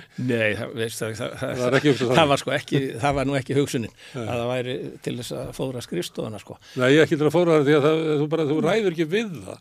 Að, að, að, til þess að sko að geta haldið utan um þetta kerfi þá er þetta líklega ekki snjall nefn að það séu allavega þúsund íbúður Ég veit það nú ekki, sko, þúsund íbúður Gæti búsiti verið bara með einni blokk Nei, eh, sko ekki, sko, það má kannski segja sem svo, uh, þetta, er nú, þetta, er nú, þetta er nú mjög flóki málsvöld að koma inn núna, ég skal reyna að taka mjög, sko, við höfðum svíþjóð svolítið sem okkar við með, Já. þar eru búsötu félög náttúrulega út um all land og, og, og, og þau eru mjög rekin, mjög sjálfstætt, mm. hvert félag, þegar ég tala um félag, þá er ég eiginlega að tala um húsfélag. Mm eins og við erum að tala um búsötufélag sko, það er eitt búsötufélag í, í segjum bara í Frostafold með 46 íbúðir mm. við kannski rekum ekki kontor á því mm. það er búsötufélag en í, í Svíþjóð er búsötufélag með 20.000 blokkir mm. og, og, og, og það félag sér um sig sjálf og þeir sem að búa þar hafa raunverulega eitthvað með að segja þetta er svona líðræðislegt, það er nálagt, ákvæðanvaldið er nálagt, þetta er ekki einhver fjarlæg skristof sem er að, að byggja það. Það er þannig líka í Danmörku að, að fólk eru svona þáttakandur í uppbyggingu félagsins. Það. það þannig voru til dæmis, eh, þetta fyrirbræði líka til í New York, ég var nú að skoða þetta ekkert í maður fyrir svona árið síðan uh -huh. og þar voru svona félag og eru ennþá til. Er þetta er bara mjög, mjög víða. Og þá er það hugmyndin að, að fólk er mjög nálagt hérna, ákvörðunum það hvort að Það er til dæmis þetta við Penn Station, það er mjög stort, hérna, þrjár svona blokkir og þá eldist fólki síðan og það verður tegnar ákvæmlega um það að, að breyta einu af, af eh, leikskólunum mm. í svona eh, dvalar eh, hérna, dagvist fyrir aldraða mm -hmm. og þá eru bara íbúinir að taka þessu svona ákvæmlega. Þá áttu þau leikskólan, félagið. Já, já, já. já. Já, já, þetta er, við vorum alveg þarna sko, mm. þannig að við byrjum á því að, að hérna, það var langa saman sem ég ætla að reyna að taka mjög stutta Já. að hvert félag mm. bústufélag eins og Frostafaldi með 46 íbúðir það átt að sjá um allt það átt að taka við öllum búsetugjöldunum og sjáum að greiða tryggingarnar og sjáum ræstinguna og sjáum eh, fastegnagjöldin og allt þetta skila bara til félagsins afborgunum að láni lánunum mm. og, og, og og þú hefur nú örgulega búið húsfélagi einhvern tíman þetta er nú ekki vinsalasti hérna, vinsalasti sko, það er ekki vinsalasti eh, svona eh, sko, staðurinn að vera er í stjórn húsfélags. Og, og sko sem er við lagðum mjög mikið á húsfélagin þetta voru mjög mikil ábyrðastörf að vera vegna að þetta voru svo mikil pening, það fór allir peningarnir fór í gegnum stjórn húsfélagsins. Þannig er erfitt að fá hérna, fólk til að stjórn, vera í stjórn húsfélags gerir ekki neitt en, en, en að vera með húsfélag sem að teku þátt í þessu öllu var náttúrulega ótrúlega flókið. Þetta er ekki að leggja þetta á áhuga menn. Já, Nei. þannig að við þurfum að fara að vera með námskeið í því að hvernig þetta gera þetta og þetta var, þetta var bara mikið batteri í kringum þetta. Það er að sjá húsfélagin til að sjá um sig sjálf. Svo sáum við það náttúrulega að sko, við fórum alveg í sex íbúða húsfélag sko. veist, þetta er bara við erum öll svo smá að þetta, þetta virkar ekki þannig. Þannig að, að það endaði með því að þetta var meir og minna fært inn á skrifstofu búseta við harmkvæli margra eins og kemur fram hann í bókinni. Sumir voru mjög eh, vildu vildu sagt, hafa hvað ég á að segja, líðræðið, eða ég veit ekki hvað á að kalla þetta. Dreif, dreifræði og minnstýringu. Dreif, dreifræði, sko. Já, já, kallað þetta. Já, þetta er bara klassíska deilur sem eiga sér stað í öllum stofnunum og bara öllum samfélagum. Þetta er inn í Európa-sambandinu og þetta er inn í bandaríkjónum og hvort að fylgin eða allrikið er á það. Þetta er eilíf baróta í mannfélaginu. Þetta er bara náttúrulögumál. ég veit það ekki, sko. En nei, þetta er bara svona... Þetta er ólík sjónamið sem er erfitt að sætta. Já, sko, við náttúrulega náttúrulega sáum að þetta gati ekki, sko, hjá okkur gati þetta ekki gengið, þetta voru allt og fá félög og þetta voru, nei, fá menn félög og það var allt og mikið lagt á formannin til dæmis, að menn hann ætti að fara að banka upp og hjá nákvæm segir þú ætti eftir að borga bústugjaldi, það gengur ekki upp og vegna þess að, að Nó er að banka og spurja, þú veist, er þetta sokkurinn þinn sem þú skildir eftir í þurrkaránum? já, já, ég segi, það, það sleppur. En hitt var, þetta var of mikið. Og, og, og hérna, þannig að þetta fór svona smá samsvæð, þannig að skrifstofan fekk miklu meira svona vægi heldur en kannski við heldum að yrði uppalið, við heldum við getum bara bara sett búsitufélagið á flott svo bara sæði það um sig, við borgum bara lánunum svo tókum við næsta félag og allir um að búa það til. Og svona þetta var og, en, en það gekk ekki upp, þannig að, að skrifstofan náttúrulega varð uh, miklu meira þú veist, það þurfti náttúrulega bara sjá, taka fjármálið aldrei til sín. Og, og það er bara eins og uh, það, bara, það, var, það var bara svona eðlilegur getur sagt uh, eðlilegt ferli í þessu Í uppafi að þá kemur þetta fram sem lausn á húsnæðiskreppu eins og við erum að glýma en þann dag í dag og þá er hérna hugmyndin að þetta gangi inn í sko félagslegan stuðning uh, hins opibera með því niðugreitum vöxtum eða lágum vöxtum. Síðan hérna hægt og bítandi þá fer af þessu hinn opiberi stuðningur. Hendanum er kannski bara eftir lóðútlutanir það sem að, að, að í sveitafélunum og sumum sveitafélunum kannski. Já, og þá kemur spurningin að, að því að þetta er uppaflega byggt til þess að svona venjulegt fólk en að gæsalapa geti eignast húsnæði og, og þetta geti innleitt húsnæðisöryggi inn á húsnæðismarkað sem hefur alltaf verið slæmur í Íslandi en er líklega bara að hefur aldrei verið verri. Má draga þá álöktun að Að, að það er ekki formið kannski á hérna hérfinu, hvort þessi búsetta íbúðir eða leigu íbúðir eða verkamanna bústaðir eða hvaða system þetta er sem er megin atrið. Heldur er þetta bara hvort að, að þið ofubera styðji við hérna annarkvort kaup hérna millitekki fólks og saðanarlægri eða þá húsnæðisöryggi hérna látekki fólks Það er það sem hefur breyst á tímanum miklu meira heldur en hvort að þetta fyrirkomunlag eða þetta kerfi, það er í sjálf og sér ekki lausnin. Sko, Þú veist, án stuðnings á þess að fá að vera hluti af félagslegri húsnæðisuppbyggingu í samfélaginu, að þá er búsitt og kerfið ekkert kannski ekki törlust sko. Minni, ég, við vorum að tala um áðan sko, sérregnakerfi lítur, veit, lítur líkastuðning svo, svo að það er kannski ekki sko, þetta er ekki alveg einfalt svar en Og þetta, stjórnum segja það að þau séu að taka eitthvað stuðning úr vakstabótakerfinu og setja Já. inn í sko til fyrstu kaupenda. Þess að þeir telja það bara að vera skynsalega þá verður þau vel að segja sko að þau ætla að flytja frá einum hópi yfir í næsta. Já, já, það er, það er, uh, sko, það er alveg rétt og, og þetta er kannski svona, sko, þá maður kannski segja það, það, þú ert að fjalla svona um húsnæðis stefnu, meina, er einhver húsnæðis stefna á Íslandi? það er spurning. Er það spurningin og það er daldið, við settum okkur til dæmis húsnæðis stefna og hérna alveg, sko, þú veist, þetta, þetta var mjög, mjög, uh, hérna, framsækið, má segja kannski, sko. En sko, þú ert bara, þetta er bara stóra spurningin, sko. Það sem að, það sem að mér finnst vera kannski aðalatri í þessu. Vegna þess að það er kannski, og þá er ég kannski að tala óháð fjármögnum. Tök, tökum það bara út fyrir svega, þó ég vita að það sé aðalatrið. Þá, þá er það það að, að húsnæsmarkaru sé þannig uppbyggður og það sé valkostir. Það sé húsalega, sé til dæmis búsitur réttur, það sé til dæmis séregn. Þú veist, bara tökum þetta sé bara svona þrýr valkostir og þú sem bara venjulegu borgari getur valið hvaða leið þú vilt fara. Uh, síðan er hitt að sko að hérna, hvernig fjármögnunin er, hún gerir það að verkum að allir þessi kostir eru niðugreitir af, af ofinbjörn ekki. eða ekki Það sem er að vakstabótakerfið er að hrinja, það er, hérna, það er sárættir stuðningur við leyendur, það er sárættir stuðningur við ykkur. Já, ég segi það sko, en það, það, það er vegna þess að skortir stefnu Nefna þessi stefna hafa ekki stuðning. sem að ég vil eiginlega ekki, ég held að mennsju sko, sko það er nú aldrei, ég get, ok skulum- veit að það er einlega til að skoða stefnu bara hvað hefur gerst. Já, og já. frá hruni þá getur við séð að þessi sko séregnastefna sem kannski ykkur heldur að sé í gangi hérna er bara alls ekki í gangi.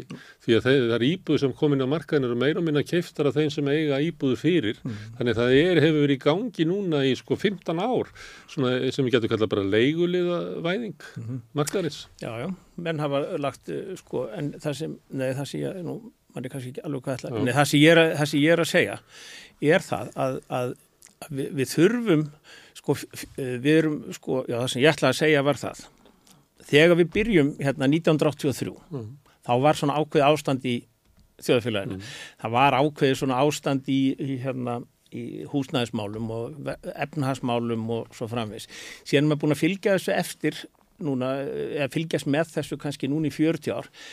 Það hefur rosalega lítið breyst þar að segja það er einhvern veginn, það er ennþá svona ástand í húsnæðismálum. Það er ennþá eitthvað svona vafi um það hvernig, styrk, hvernig á þessi að fá, hvernig á, hvernig á að styrkja þennan og hvernig á að styrkja hinn. Mm. Að því menn hafa aldrei tekið bara ákverðun sko, við skulum hafa þetta, þú veist, einhvern veginn þannig að, að það sé svona þokkalegur friður um það mm.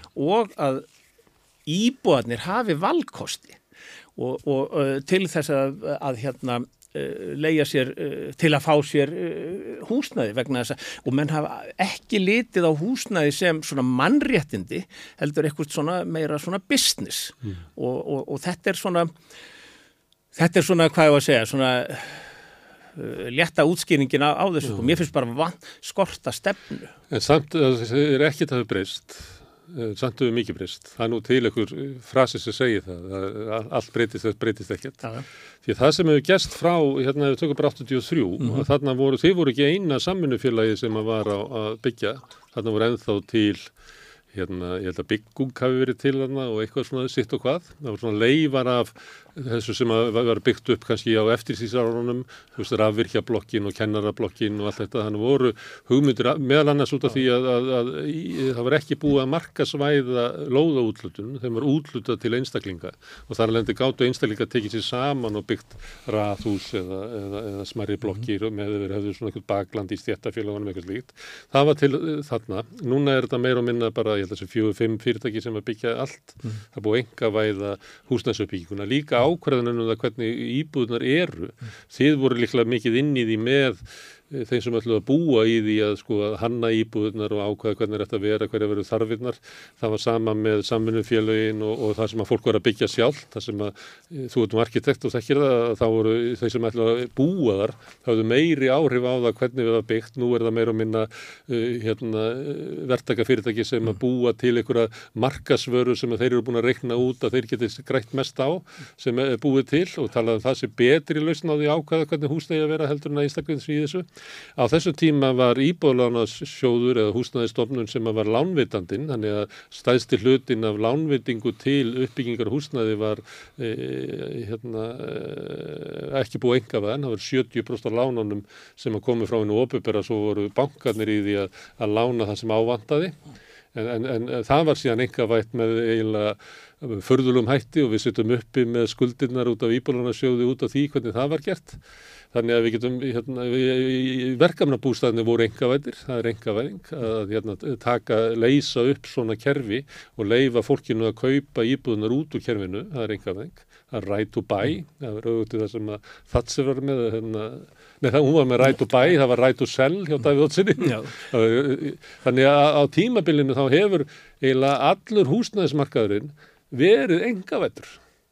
Lánin, lóðaútlutunin, það eru uppbóð á þeim, allar byggingarnar, allar hérna, all, all, svona ákvörðunin um, það er nú verið að kvartaði við í, Reykjavík og víðar að sko verktakarnir eru að byrja að sko stýra skipulaginu.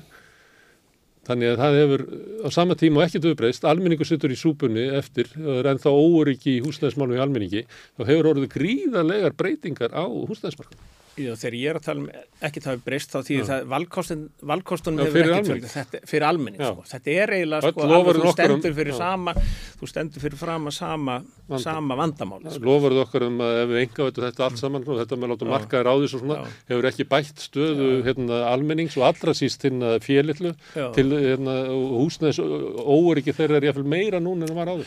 en það það sem ég er kannski að segja sko, það sem að, að, að ég ætla að fara út í þetta er náttúrulega það sem að þú ert að fjalla um hér er náttúrulega svona svona eh, svona greining á þessari stöðu eins og hún er mm. kannski og hvernig hún hefur orðið orði svona en það sem, það sem að eh, ég vil meina er það að, að hérna, það kannski skortir sko sko svona bara ég er að tala um stefnu, Mm. einhverja kvítbók um það, hvernig viljum við hafa húsnæðismál á Íslandi Mm.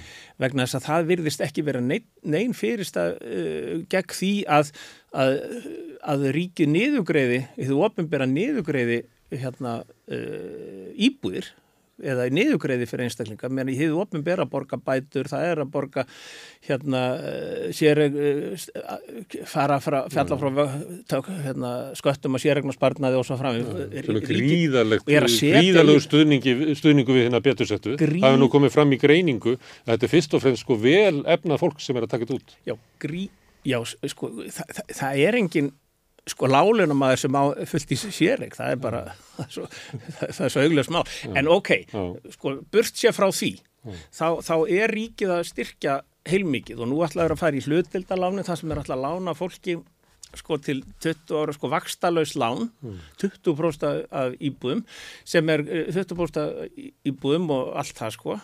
Það er líka gríðalegu ni- eh, niðugreisla getur maður satt að hverfa frá vöxtum af, af hérna svona miklum lánum þannig að hérna þannig að ríkið og hefur opinbera virðist vera alveg tilbúið til þess að niður greiða húsnæðiskostnað. En það sem vantar finnst mér er að það sé svona skýrt og valkostinni séu svona fyrir hendi og þetta sé ekki alltaf svona einhver upplaup og einhver svona, einhver svona, hérna, svona neyðar ráðstafanir á fjögra ára fresti. Þetta er alltaf bara daldi, það er daldið þannig, við höfum alltaf verið svona. Það er alltaf verið að búa til eitthvað nýtt sem á nú að leysa þetta allt saman. En það vantar svona, stefnan hlýtur að vera svo að, að, að húsnæði sér mannréttindi og að þú hafir valkosti og að þú getur komist í örugt húsnæði Ódýrt og örugt. Það rýtur að vera markmið stjórnvalda. það hlýtur að vera markvist Já, stjórnvalda og bara förum ekki. Við fáum, förum og, við fáum dýrt og órugt. Það er bara, já, það, er kannski, það má kannski segja það sko og svo hefur sko sérregnin ekkert reyns mönnun eitt rosalega vel vegna þess að svo er þetta bara tekið af fólki sko ef, ef, ef vindurinn kemur á móti Mm. það er bara þannig þannig þannig að mér finnst vanta svona þessa stefnu, ég ætla ekki að fara lengra út í Nei, nei, ekki- þessa Þú umræðu ekki, heldur, þú ætla ekki að mig draga þig út í svona Nei. pólitíska umræðu. nei, ég segi það sko En það er eitt sem að vantar í þetta þegar það verður að telja um að stjórnvöld gera þetta og stjórnvöld styðja þetta og í hverju styðja og langstæsti stuðningurinn er þetta með skattaafslottinn á, á, á sérregnarbarnaðinu sem er notað til þess að niðugreiða húsnæðislán. En síðan er annar kostnaður við húsnæðiskerfi sem að við verðum að horfa á sem að er kostnaður leigjenda við að borga herri leigu hér eh, vegna þess að eh, markaðurinn er óregluvettur og er bara eh, í höndunum og okrurunum.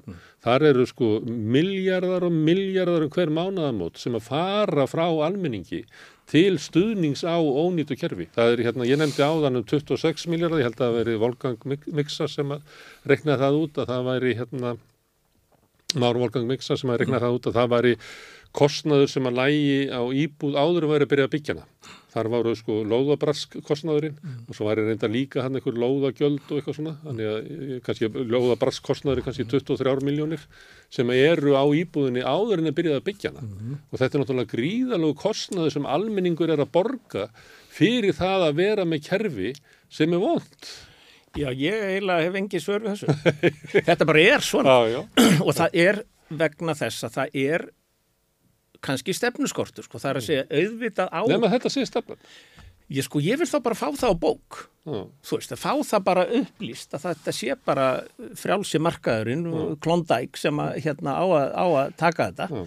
og, og, og, en ég held ekki sko ef þú spyrir uh, pólitíkus, þá er hann ekki hann mun ekki viðurkenna það, hann vilja hafa þetta svolítið. Thatcher sagði það ekki einu sinni sko. Þau hafa aldrei sagt það sko. Þau bara- alltaf sagt þetta Já, já, Palli minn Þú er átt að því að við hérna, enga vöndum allt saman og það mun leiða til þess að þú fær miklu meira, fleiri íbúðir á ódýrara Já. En svo er það líka kannski þannig að, að maður er svona farin að halla staði meir og meir. Og það er svo ég færi með tána inn í þessa umræðu sem þú vart að tala um.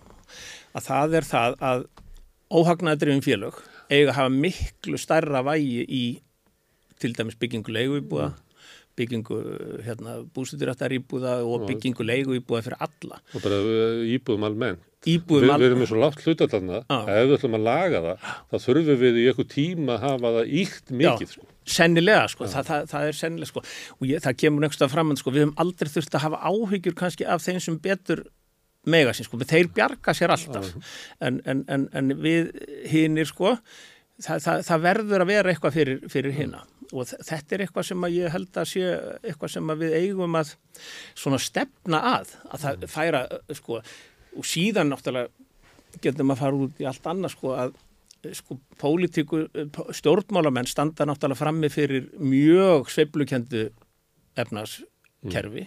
Það er mjög erfitt að vera með stefnu í svona kerfi eins og við erum með. Það sem að uh, sveiflunar eru svona, sko, ég meina, þú veist, allt í hennu bara í kerfi þitt, heyrðu, við, við, þetta gengur ekki, við erum að breyta kerfinu og svo fer önnu sveiflu þá, nei, þetta gengur, við erum að, þú veist, þetta er svo sveiflukent að þú þarft alltaf að vera eitthvað, En teika samt- einhverja vittleysur. samt ég hef nú verið að tala við skólafólk núna mm. mentakerfið til um að písa þetta er akkurat vandamálið þeirra. Það er bara ný, ný stjórnum, ný stefna, ný- stefna og það bara bara, og, og hérna með þessu OECD er byrjað að segja, heyrðu, krakka mínir reynið að halda ykkur við eina stefnu, pröfið það. Já, ég held það nefnilega sétt aldrei en, það- en það er eins og með húsnæðismál sem að sn- snýst svo mikið um fjármagn Já. að þá er það mjög erfitt í svona sveiflukendi hagkerfi eins og, eins og, eins og er. Já. og ég skil ekki akkur hérna akkur menn uh, takast ekki á við það Vandin er kannski sem að mætti íhuga að, að undarfarin áratvíi þá hefur verið að, verið að reyna að leysa húsnæðisvanda allra, þar með talið hinn að tekjulagri, án opubers stuðnings að neinur á því. Það er hérna, þegar þú er búin að taka hérna, stuðningin við félagslegu íbúði sveitafélagana, mm. láni sem þau fengu, verkamannabústæðan og svoleiðis, að þá hefur svo hugmyndin verið svo að það sé hægt að tryggja hinn um lægst, uh, þessum er lægstu tekjunar, örugt og ódýrt húsnaði á forsundum markaðarins, þar sem að vextinir rjúka svona upp og niður. Ég held að bara, þú veist, það er bara er ekki hægt Nei. og það hefur hvergi verið gert í heiminum.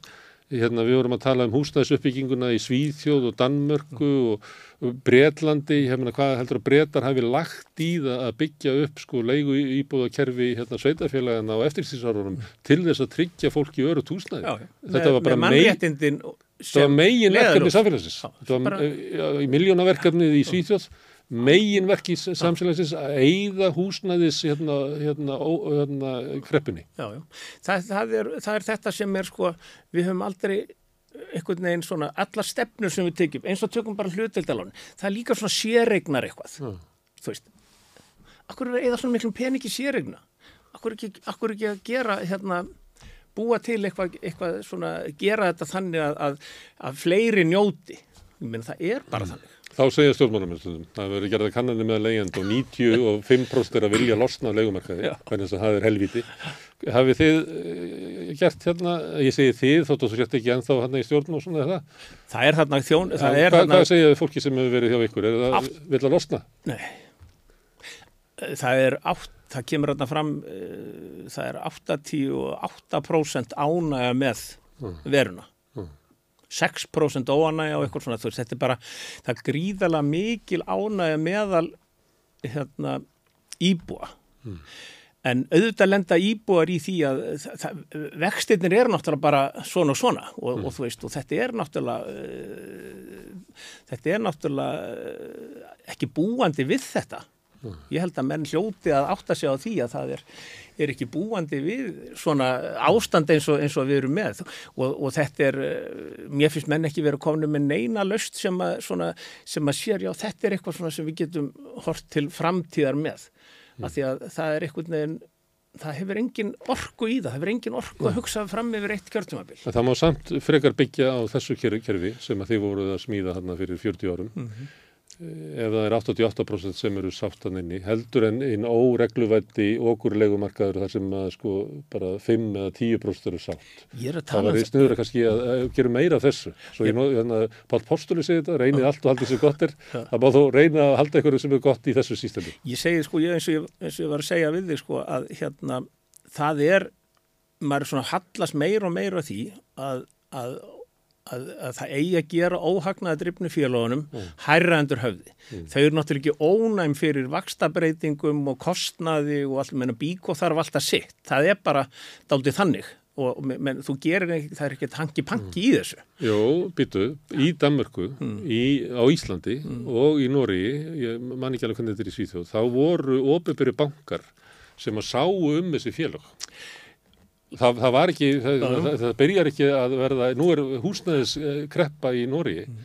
hún verður ekki fyrir en að þeir enga vætu þetta ja, og það var þessi félög eins og búsiti, þau höfðu bakkjarl í opeberi lánastofnun sem að gað tekið á sig sveiflunar. Mm. Þannig að þeim var ekki bara skellt á, á, á, á leyendunar. Þannig að leyendunar væri á sumuleiti varðir fyrir markas áhrifum uh, hérna, á fastegnaverði og á vakstaverði og, það, og þetta er bara ákvörðum sem samfélagi tekur. Já, já, en vaksta, vaksta breytingin hjá leyend eða búseturéttum eða leyendum í Svíþjóð er sko að fara á reynu hálfu prósund upp í 2,1 í, í hálft ár og þá verður allt vittlust Veist, þetta er bara, þetta er bara, uh, sko, þetta er bara, þetta er bara allt, allt, allt annur staða og, og, og, og hérna þannig að, að hérna, við, við erum bara einhver staðar annar staðar, við erum bara einhver staðar bara út í Ballarhafi sko, með, með enga húsnæðstöfu enga húsnæðstefnu og það er eiginlega kannski doldið svona niðurstaðan að þessu.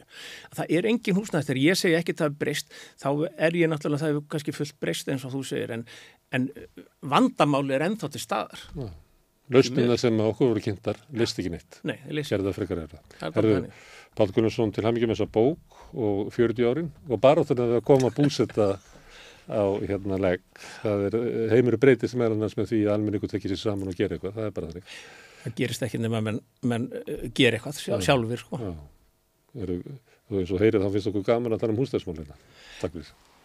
Takk fyrir. Við ætlum alltaf áfram að reyna að skilja samfélagi sem við lögum í næsti kapli eftir ögnablík. Með því að ganga í leyendasamtökin stiður þú bara áttu leyenda. Leyendasamtökin eru fyrir alla þá sem vilja berjast fyrir réttlátu húsnæðiskerfi. Leyendasamtökin.is Hvernig getur við réttlætt að sívaksandi hópur eblingarfólks festist á legumarkaði? Ebling stettarfélag. Sláist í hópin og gerist áskrifendur.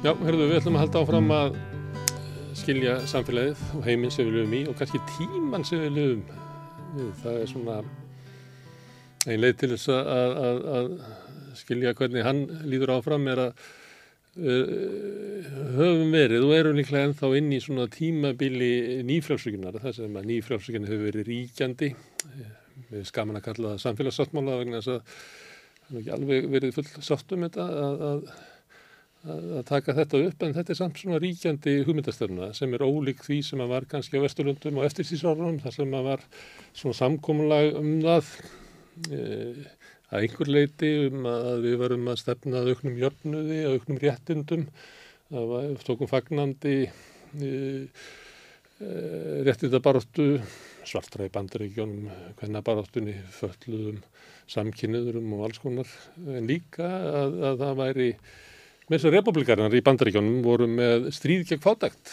Það var Nixon blesan ekki af. Johnson sett hann í gang Nixon blesan ekki af, held henni áfram. Það var ekki fyrir hann að Ronald Reagan kom og Nýfrásvögg kom að það var byrjað að brjóta það niður það velferðarkerfi sem hafði þóttekist að byggja upp uh, byggða á kröfum verkefnisreiningarinnar frá því á fyrirluta síðustu aldar.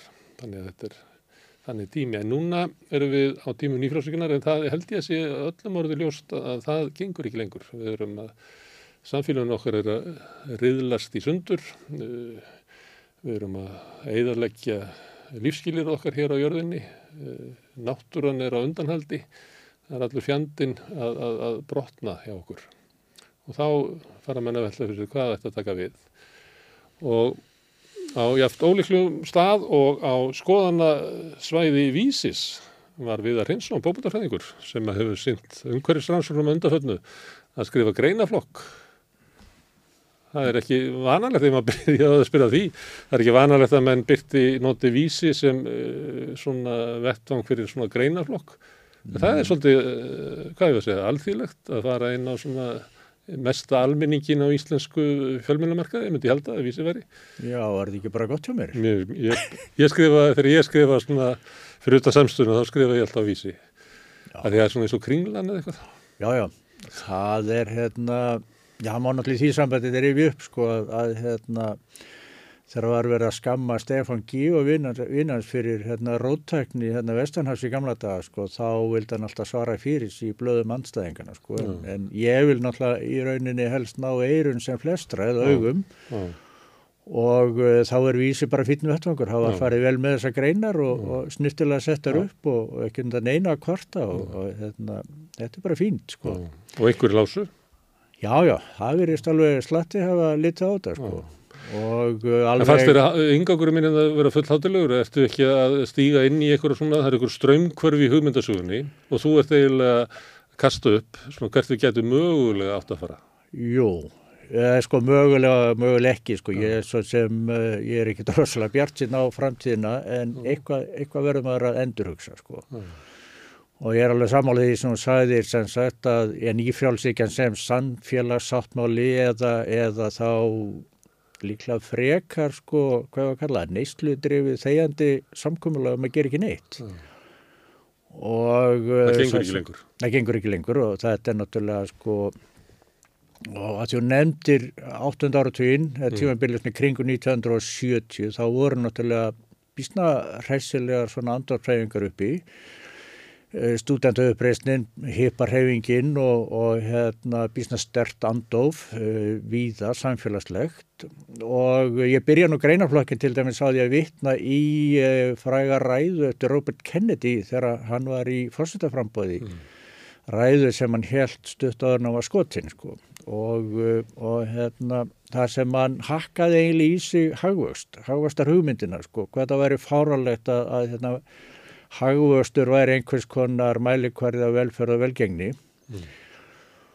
og hann var sem sagt skotinn og, og hérna svo nokkrum árum síðar og þá sem sagt uh, þá nær hreinlega frjálsíkjan völdum svo núna mm. svolítið kendu Reykján og Thatcher og, og hérna og, og sí, það með því náttúrulega upphást þessi hreinlega gengdalösa sko fjármagnsíkja, uh, einhvers konar endurlíka kapitalismi, uh, neistluhyggja, alveg gengdalus og, uh, og sko ástand, umhverfisástand heimsins hefur sko farið hraðvestnandi síðan. Þetta er bara svona, þetta er hérna í veldisvexti mér að minna sko. Mm. Þá er ekki bara mengun og ekki lofslagsváin, heldur líka fækkun tegunda.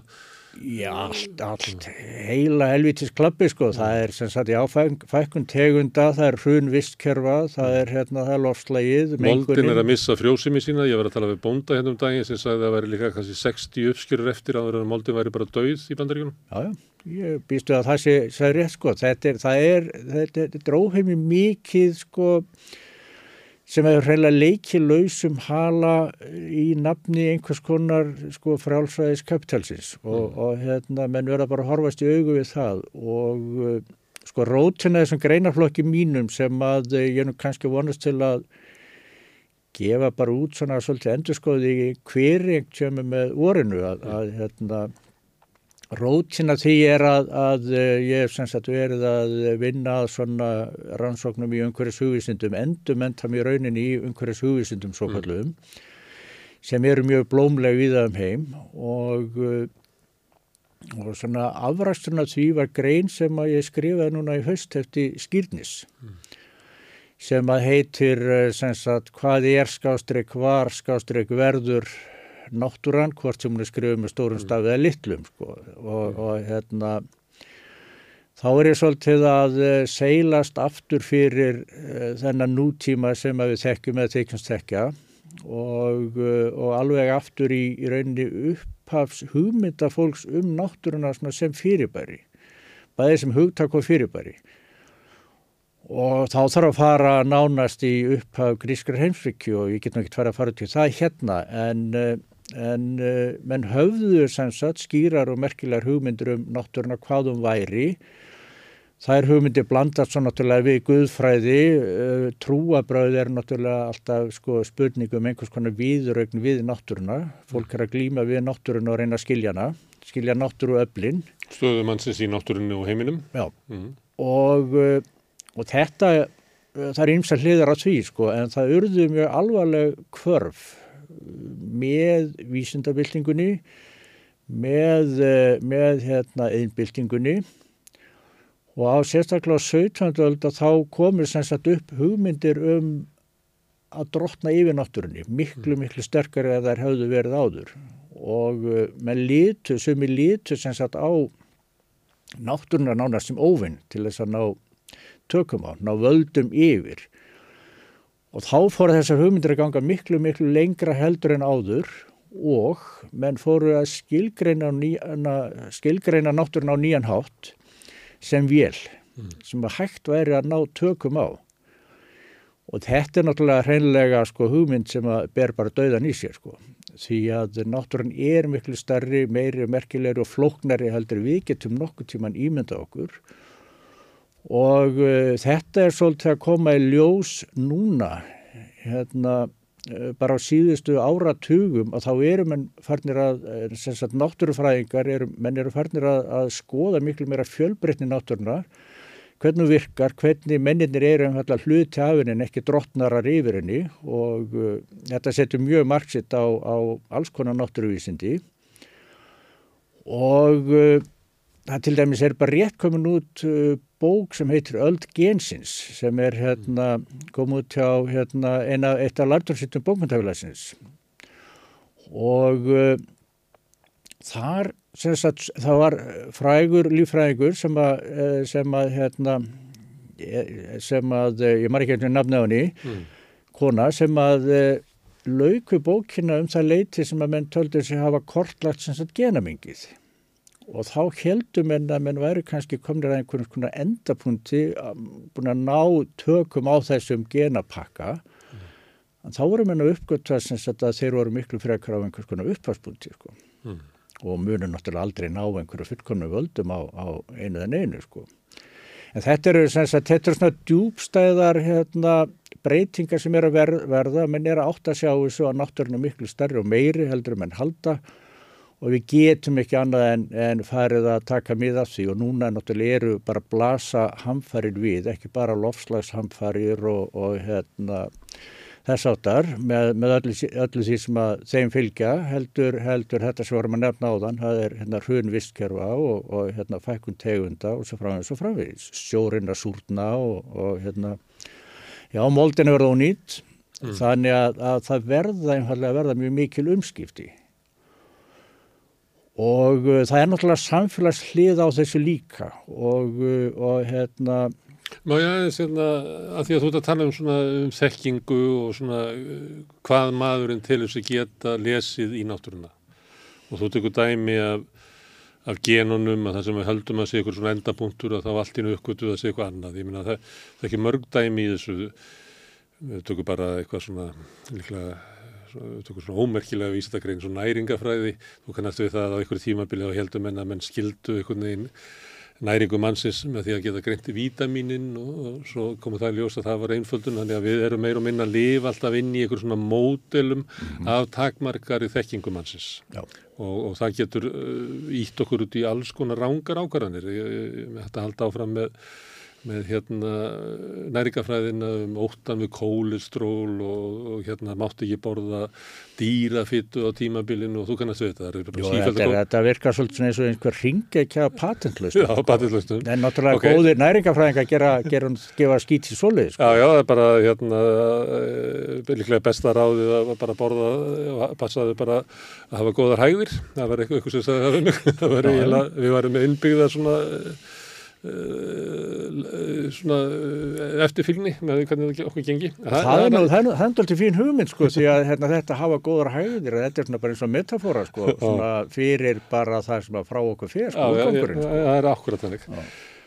en ef að það er þannig að, að, að við erum hérna við ofmetum hérna við ofmetum hérna, þekking okkur á náttúrunni og, og að skilja hennar einstur rauk og, og við gerum þá gríðalar bámyrtur það með að við sjáum uh, því að hinnum einn ertu haldaði fram að, að, að uh, sjórið sé að súrna og það muni leiða til ekkurs og, og við hérna uh, það sem að vísið þeim að koma, flesti vísið þeim með 95% vísið þeim er sammála um, um hérna skadana mannavöldum. Af hverju hefur við að trúa vísindunum þarna? Því það er krafan, vísindin er að segja að þetta segja það. En á sama tíma ertu eiginlega þú veist að segja, við skulum fara varlega á því að trúa sko þekkingu mannsins skilur hvað er að meina? Já, er, já, sko í fyrsta lagi þá skulum við ekki tala um hérna, vísindum með stóru stafu greini sko. þau náttúrulega breytast alltaf. Vísindin eins og Þorbergur að kalla já og, og hérna sko góð vísindi, góð vísindumenn eru fyrst og fremst að spyrja spurninga. Mm. og þá við bara heyrim að mjög oft uh, það er oft talað um það vísendilega sannað og svo framvís og framvís mm. og, og hérna en, en góði vísendimenn þeir vilja fara valið hlutina þeir vilja spyrja mm. og það hefur verið allsíða lengi og, og það er ekkert svo sem skrítið þó að mann hafi stundu spurt vittla spurninga og jápil fundi vittlu spör en vísendir eru einfallega í þróun og þau eru líka samfélagslega alltaf skiljert. Þau náttúrulega eh, eru aldrei lánt frá bara venjulegum hugmyndaströmmum í samfélaginu. Og peningaströmmum, það eru orðið æg ríkari áhrif eh, auðvaldsins til dæmis á bandaríska háskóla. Já, mikil óskup. Þetta er bara raunmjöleiki. Mikil óskup, sko. Þannig að, að hérna, við skulum ekki tala um vísindin með eh, stórustafu greini en hins vegar eru sko eru lofslagsvísindin núna. Mm. Ég held, ég hef svo sem ekki ekki hérna, mikið lagt með þetta að sannreina hvort sé rétt hjá mér en ég held að lofslagsvísindin eins og eru stundu núna og, og, og hérna já, sagt að 95% vístamanna skrifin til það mm. að þetta er rauninni stærsta kannski samræmda vísindaverkefni sem að náttúrulega eru framkvæmt í heiminum sko og það er öruglega ekki allstaðar allt fullkomið þar í, í þeim pakka en það er hann helviti stór sko En, en, en hérna... Þú ætti þá bara að leggja til svona, svona mannlega hérna, ráðleggingu að miða við það sem að, að, að, að þetta sé gott kerfi, að það sé margir að koma að þessu, að móta sko samilega sína á þetta, miða við sko hérna, vámerkin sem að þaðan koma og mhm. áriðanleikan á því að bregðast við, að þá hérna, ættu við að gera það þó svo að það kynna að vera að það, hérna, þú getur í efast um einhvern hluta af þessu eitthvað slíkt. Er, er, þetta þannig eða? Já, ég held að hérna, ég held að sko í öllum megin atriðum sjá okkur á þetta trúa sem, sem mm. að sagt er í lofslagsvísindum og, og, og hérna ímsum líf, líf og umhverfisvísindum að, að hérna það eru svo mikla blikur á lofti þannig að það er engin ástæð til að mm. draga það í, í efa sko. Mm og eins og ég sagði, vísind er náttúrulega þróast og þetta er í rauninu bara það sem að blasir við. Mm. Að, þessi stóri pakki sko, sem er eiginlega sko, vist kreppa heimsins mm. og, og það er ekki takt að, að hérna, held ég að efast mikið um það. Sko. Það getur vel verið að einhver, einhverstað séu einhverjir hlutar af þessu uh, á rangri braut og, og núna síðast sér maður í fréttum að kannski tveira af, af hérna mestu eh, svona postulónum í lofslagsvísindunum Michael Mann og James Hansen þeir eru til dæmis ósamála um ástandi og leiði núna sko annar mm. þeirra minna þessi James Hansen er að velta fyrir sér sko einhvers konar uh, tæknilegðun til þess að, að hérna, draga úr sagt, að breyta einhvern veginn kólefnislutvöldunum sko. mm. Og veiða kólefnin og sprengja þeim hún í jörðina. já og, það eru, fleiri leiði Já, sko, ég bara, ég man ekki nákvæmlega, ég kann ekki nákvæmlega að fara með það sko, hvernig það er, ég er bara rétt búin að lesa svona frétt um þetta Þannig við sko. getum haldið áfram stjórnlösi neyslu en við bara finn, finnum lausn á þessum, teknilega lausn á þessu vanda. Nei, það er náttúrulega ringlandi vittlu sko, að halda sé einhver hérna, teknilega lausna á vandanum sko, því að það er, það er náttúrulega, það er svolítið önnur hlið heldur að, því að þarna, þetta eru bara auðlindi jarðar, það er þverra einfallega og, og, hérna, og neistlu brjálaði sko á Vesturlöndu sérstaklega, það er náttúrulega er að eyða regnskóum og, og eyða í rauninni sko vistkerfum út um allan heim sko. En þetta hangir allt saman og það er í rauninni kannski svo hugmynd sem að eh, verður sterkar og sterkar í að það er að, að hérna, það hangir allt saman, þetta er, þetta er allt saman samtengt, þetta er ein heild sem að, sem að hérna, er núna sem sagt verða að raska meira heldur nú kannski þólir og þess vegna er náttúrulega nöysilegt að, að hérna, spyrnaði fótum og, og endur sko að nánast allt sko. sem er verið að gera ekki kannski að miklu krafti. Ég hefði viljað sjá meiri kraft í því og það, og það er það sem að ég var eiginlega að reyna að gera með, þessari, með þessum greinaflokki sko að eh, ég byrjaði að tala um í fyrstu greininni eða fyrstu tveim var ég að tala svolítið um hagfræði sem ég er ekkert sérstaklega fróður um en, en ég lesið bækur sem sagt með dálítið hardri gaggrinni á svona, kalla meginstur hagfræði, klassísk hagfræði, nýfjálfsvíki hagfræði og, og hérna sem er hrundi 2008 þó, þá hafa nú einhverju verið að sagt að, að þá þurftum við að endurskúra allt pensumið sem er í hag- hagfræði. En ég held að það hafi ekki verið gert. Nei, nei, ég held að það hafi ekki gerst. Og hérna, en, þannig að þetta er nema hugsanlega sko erum við farnir að, að hugsa einhverju leiti sem gang sko í hagfræði og, og hérna eins og það hafi verið sagt við mig sem sagt að núna séum við miklu meira að skoða markaðsbresti en menn vilja samt trú á markaðin en, eh, en þetta er sem sagt, þetta er einfallega uh, ástand, hugmyndir sem að hafa gengið sér til húðar og ganga ekki lengur sko, vegna þess að þetta hefur í för með sér óheimi mikla neyslu sem að nýðist á jörðinni. Þannig að, að hérna, það er engin það er engin tæknilega leið, leið út úr þessu, það er er hægt að gera öðruvísna snar minka neyslu. Og uh, í þriðju greinu ég, kom ég svolítið inn á, inn á hérna, jöfnu líka, mjög merkilega reyfingar, hérna, nei hérna kenningar og hugmyndir hjá uh, bandarískum hensbyggjuprofessor stjórnmála hensbyggi sem heitir Michael Sandel sem var að tala um uh, verðleika kröfuna eða verðleika samfélag hann gáði bók sem heitir The Tyranny of Merit. Og hann sagði fullum fetum að uh, þessi hugmyndum verðleika fólk sem sagt nær velgengni afla sér fjár og tekna út á verðleikana. Þetta er þessi hugmynd sem hafi kviknað svona með frálsíkunni og þar er endi sé hinn fátaki í þeirri stöðu sem hann er í ekki út af því hann verður fyrir félagslegu óréttlæti heldur hann er einfalda uppskýrað hérna, skort sinn á verðleikum. Já, hann er bara svona lélegur að bara hann kennst ekki lengra. Það þýðir sko. ekki að hjálpa honum. Já, og þessi hugmynd sem sagt hefur verið mjög ríkjandi, Sandel gaggrinni hana náttúrulega harðlega, sem sagt þessa verðleika hugmynd, hún er náttúrulega mjög þröng og banul, þetta er náttúrulega bara þeir sem að ná hérna, metvorðum uh, fjárhærslega, politist, samfélagslega, en, en hérna, og hann segir að þeir sem eftir sitja, beskjan hjá þeim sem eftir sitja, þeir finni, hérna, þeir finni bara fyrir minkandi virðingu og þetta næri populisman. Þetta næri populisman til dæmis í bandaríkjum, hann þetta er bandaríkjamaður. Og ekki nóg með það sko, heldur segir hann að sko rótina þessu liggi í vinnunni sjálfri. Að það sé ekki metað verleikum framlag okkar, framlag hvers veins, það er alveg sama hvað þú gerir, þetta vinn í heilbyrðiskerfunu, þetta er kennari eða, eða skúra eða hvað þú þetta gera, þú þart að fá viðkenningu á bara verma til þess framlag sem að þú hefur til samfélagsins. En það er þetta sem hefur brúðist fólki, það situr uppi bara með skítalaun Og og, það og séu hérna bara er þeir, baðar, baðar sig í velgengninni. já, þeir sem að fljóta ofan á kerfinu og eru borðnir upp að þessu fólki, að þeir upplifa það að, að þeir séu þar stattir fyrir eigin verleika og þeir eru allt gott skilið. Og við höfum falið þessu fólki að stýra samfélaginu sem að þarf ekki á grunnkerfum samfélagsins að halda með sama hætti og þeir sem eru tekjulágir eða standa veikar.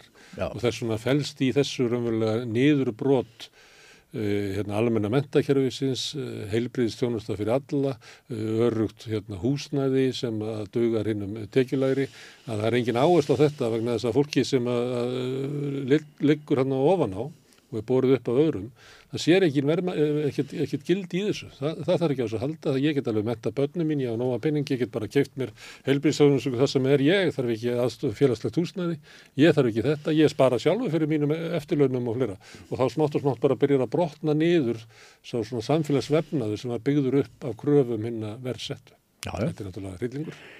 Hér, þetta er horrorsaga. Já, og þetta er kannski, hér getur við talað um samfélagsáttmála sem hafa verið rofin mm. og ef við segjum til dæmis að það verið sko einhvers konar tegjandi eða meðutundarlust samkvæmulag um frálsíkjuna og, og hérna allræði markaðarins mm. þá, þá er hér kannski rofin sáttmáli um einhvers konar samfélag sem að fungera sko. Það er eiginlega samfélagsáttmáli nýfrálsíkjuna að hætta eða svona til allra einföldunar. Við verðum alltaf að gera það að tala við svona stórsvíði þá var það á eftirsýstunum þá er samkomlu um það að, að við vinnum saman að því að byggja okkur upp góða framtíð það sem er rúm fyrir alla og við eigðum á leiðinni hérna, annmörkum fátaktar með því að tryggja verið úsnæði og eitthvað svona og þetta var náttúrulega drifið áfram af, af miklum hagvexti á þessum tíma. Og það var líklega það sem Robert Kennedy var að ávarpa en hann já, fór að hefast um það. Bæði vegna þess að við gætum ekki haldið áfram með hagvextin endalust en líka að að það er náttúrulega enginni á sjönda áratögnum uh, það er að, að það er alls konar hópar sem að segja hérna draumur eftir strísarana um að með því að auka efnaslega gæði að, að koma öllum kjarnafjölskyttu fyrir í blokkarýbúð í útgörfunum og, og allt þetta að það uppfyllir ekki, það er ekki nóg markmið fyrir samfélagi því að þá horfum við fram á inngrónum ójöfnuði, kakvað svörtum, kakvað konum, kakvað föllum og öðru slíku. Líklega var hann áarpa þetta svona tvennanhátt eða ekki? Já, jú, jú. Já. Og, og, hérna, og þetta er bara svo mikilvægt aðtrið og þetta er Já. í rauninni Sko ég rakst á þegar ég var að skrifa þessa greina sko, það, voru, það var frábæru umfjöldun hjá kvennalistanum svona í kringu 1990 mm. um haugust Sigrun Helgadóttir sem að hérna, skrifaði nú fyrir eitt eða tvö ár síðan að koma út æfisaga Sigur Þorranssona sem hún skrifaði. Hún var þar svolítið ábærandi þeirri umræðu og, og flutti og ég vitna í síðustu greininni þannig að greinafloknum ég vitna í þrjumu ræðunar, jónfruræðu og þingi mm. þar sem hún þrjumaði yfir hausamótanum á þingheimi sem að þá náttúrulega var miklu frekar en núna svona svolítið skilningsblind uh, skilningsblind og kallaklúpur hún þrumaði yfir hausunum á þeim hérna ræðu um, um sem sagt hvað hagvösturinn sé banallu umræðu með um efnahagsmál geti verið banul ef að menn hugsa ekki um bara jörðina og, og samhengi sem við lifum í sko. Þannig að hérna. Bæði, já, bæði jafnvægi í samfélaginu og jafnvægi í náttúrunni. Já Það þarf að fara svolítið sama sko, það mm. náttúrulega er, er alveg viðkent og, og hérna, mjög oft bent á það að, að einn mikilvægasta leiðin í að ná einhvers konar samhengi við náttúruna er að, að, hérna, er að auka jöfnið í samfélaginu og, og það er náttúrulega hímirhópandi tölur til um sem sagt, ég segjum kannski e, bara lofslagslega að kannski tíu ríkustu prósentin hérna, þau spila lofslæginu mörgum mörgum sinu meira heldur en 50 fátækustu prósentin til dæmi sko. það er til tölur en svona ég tíundi eitthvað að því í... Og svo getur við farið inn í samfélagin eins og hér þar sem við kannski allir íslendingar lenda í sko 20% þeirra sem hafa það bestu á jörðinni. En ef við tækjum sko samfélag okkar þá erum við líka með þetta þeir sem eiga mest og eru ríkastir að þeir hérna, spilla jörðinni mest. Já, já, já. Þannig, en samt er það hannig að þú, ef við hefum lappað um hérna, lofslagsrástöðununa, að þá er þar, þú veist, hún er sömulegist eins og bara Davos, þarna er ríka fólkið að bjóða fram að það muni koma með lausnindar. Þannig jáfnvel, jáfnvel í lofslagsmálunum að þá, hérna, út af verleika hugmyndinni, að þá er ríkjandi trúum að hinn ríku muni kannski leysi þetta fyrir það, sem er andið þeirra það, það virðist alltaf vera andin þar sko. en, en hérna ég ég er ekkert droslega bjart síðan á, á framtíðina sko. en, en ég held að sko, sterkasta vonin einfallega félist í sem viðtakustu andofi, félagslegu, segjum til dæmis svona grassóta reyfingum sem að geta mynda smátt og smátt þrýsting og haft í för með sér eh, einhvers konar hjöðnun. Í grein, eh, fjórðagreinin hann í greinafloknum mm. þar fjallaði þetta alltaf um bók heitir mjög flottan ungan hérna, eh, hann er svona hagmannfræðingur heitir Jason Hickel hefur skrifað merkilega flotta bækur. Hann ólst upp í, í hérna í, í, í hérna Afriku, sönnulega Afriku og hefur þess vegna sko insinn í svo kallaða þriðja heiminn mm. og lífskiljurinn þar. Við erum ekki fjallað um þróunar aðstóð þróunarlandana við hinn þróuðu ríki. Að, það sko. Það sem er alveg augljóst að, að sko þró, svo kallað þróunar aðstóð okkar er bara hlægileg í samabörðinu við það sem er sogað út úr sko þróunar. Já, já, já. Og, og þar er náttúrulega, þar er bara svo ljót og mikil saga sko að, að hérna að leikuða manni ofbjóði sko en, en, en En hann sem sagt, uh, hans, uh, hann er skrifað tvær allavega bækur uh, og svo setni er um hjöðnun sem, sagt, sem er kallað dígróð sko. Og hann bendur á leiði til þess og það gera fleiri, fleiri hugsaðir og fræðimenn og ímsar hugmyndir að það þurfi einfallega að fara að miða hagkerfið bara út frá þörfum fólks en ekki því sem er hægt að tróða upp á því í neistlu sko. Mm. og mér finnst aðeins verið að fara það sko aukast umræðan um þetta hérna, það eru sterkari rætti núna sem eru að uh, tala um að við þurfum að þess að hægja ferðina hérna fyrir jólinn og deginu ekki að verða neysljól og þess að sko. maður heyrir þær rætti meira sko en, en ég held að... En svo lætu fólk kannski undan þegar Já, það gerir það náttúrulega. Það byrjar að heyrast bjölluljómur og þá er við skilirt og eru komin hérna.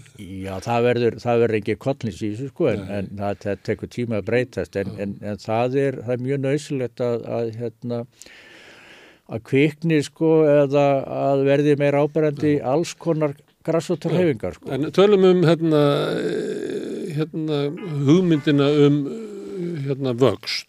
Og ef við höldum áfram að nota hérna Robert Kennedy sem svona dæmi að hann er hérna 68 Já og í kringum það tíma að þá er svona hugmyndur um að við verum að horfa fram á að, að, að það er ekki til endalust auðlundum og oljukreppa nýtti svolítið undir að líka.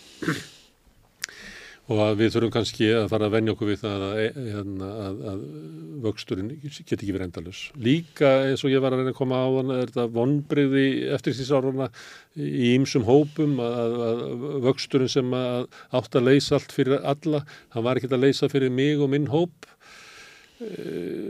þetta svar mannkinsins eða okkar heimsluta við þessum mangavöldum er nýfljóðsakinn sem að segja bara nei, nei, nei, nei, við höldum bara áfram og við ætlum, að, hérna, við ætlum bara að leysa þetta með öðrum hætti.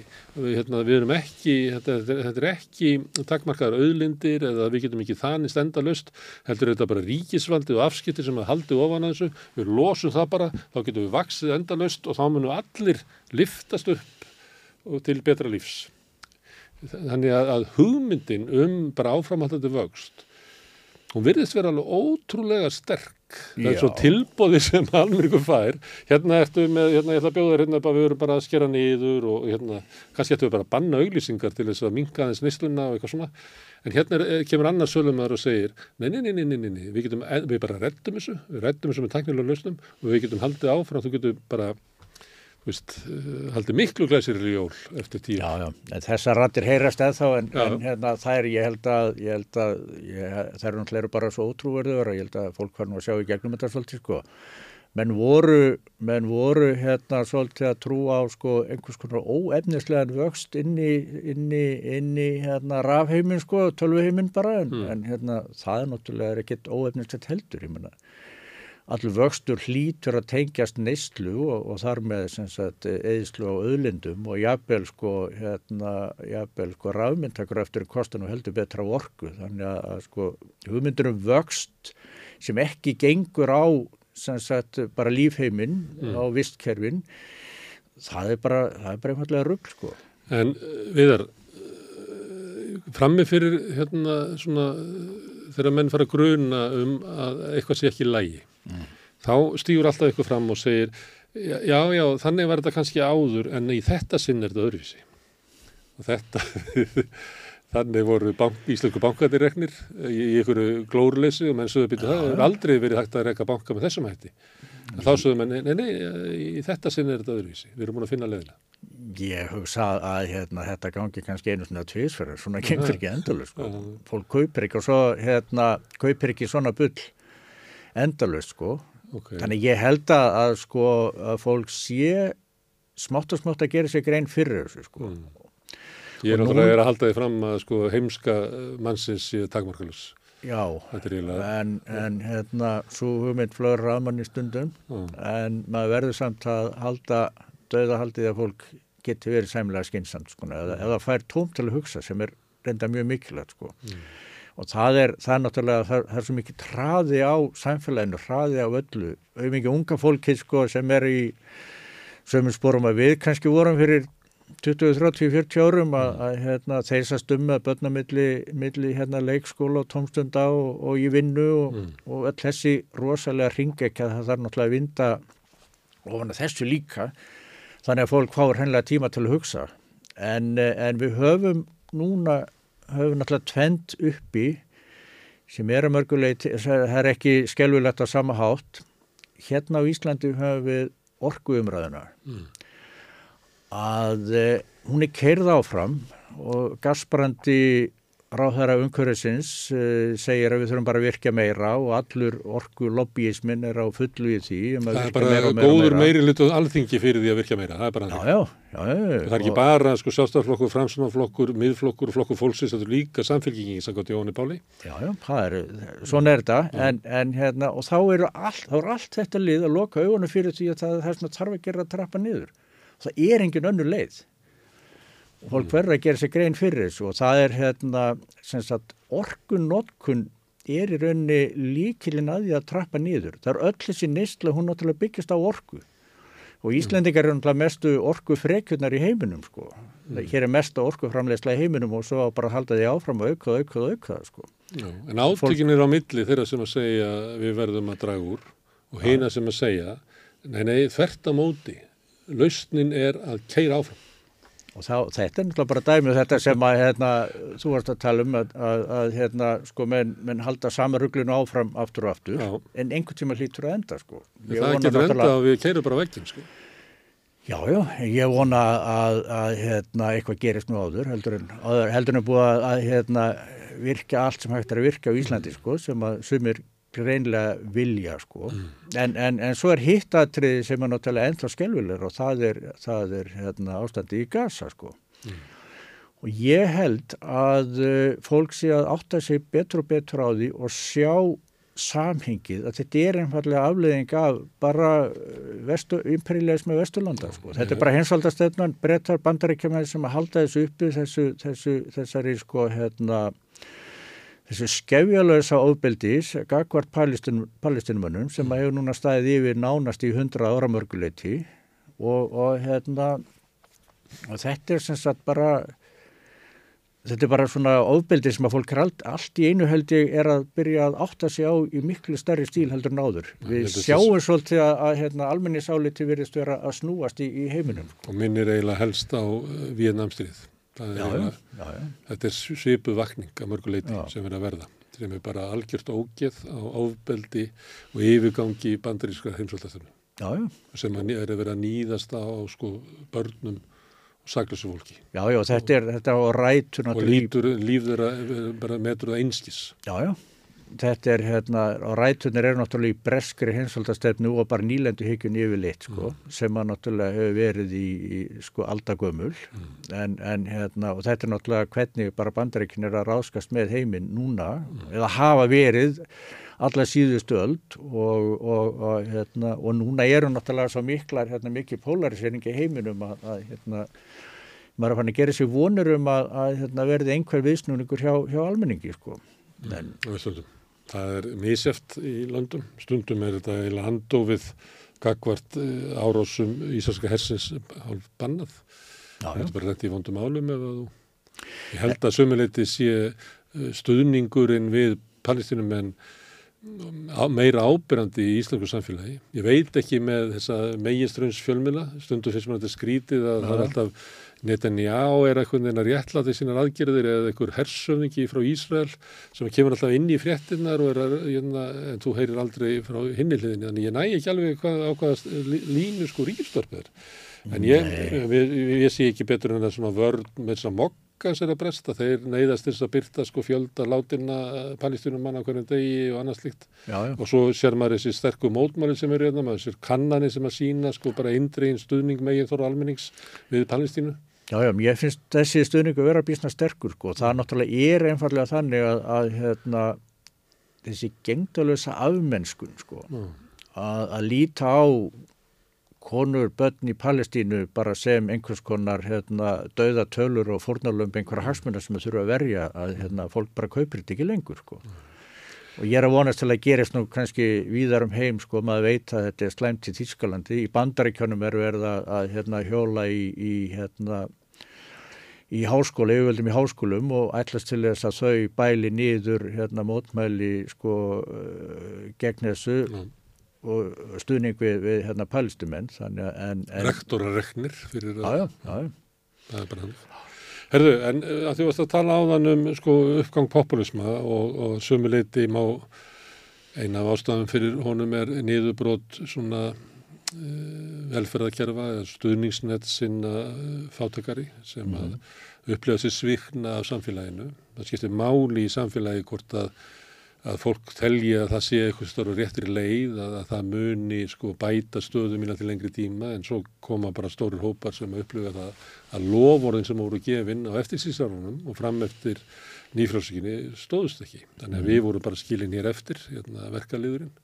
og, og það var alltaf verið að koma til okkur og segja já sko alþjóðavæðingin til lengri tíma þá mun hún bæta ykkar kjör líka eitthvað svona en við setjum hérna bara í einhverju riðbelti og fá, fáum enga hérna enga stöðning og sjáum enga framtíð í þessu þannig að við hérna kjósum bara villisíkin hérna sem að segist alltaf berga sig fyrir okkur og færa okkur til hérna til þess tíma þegar það var skára fyrir okkur að lifa eh, Varðandi hérna hjöðununastemnu mm. dígróð að þá þarf að fara til þessa fólks Já. og segja nei, sko, þið hafi lífskjör ykkar hafa farið hörnandi á nýfrásíkutímanum en nú viljum við að þið neytið enn minna þetta er ekki gott erindi Nei, ég held að hérna ég hef náttúrulega enga enga, hérna, enga lausn á þessu og þetta er eitthvað sem að þarf að, að hugsa miklu betur mm.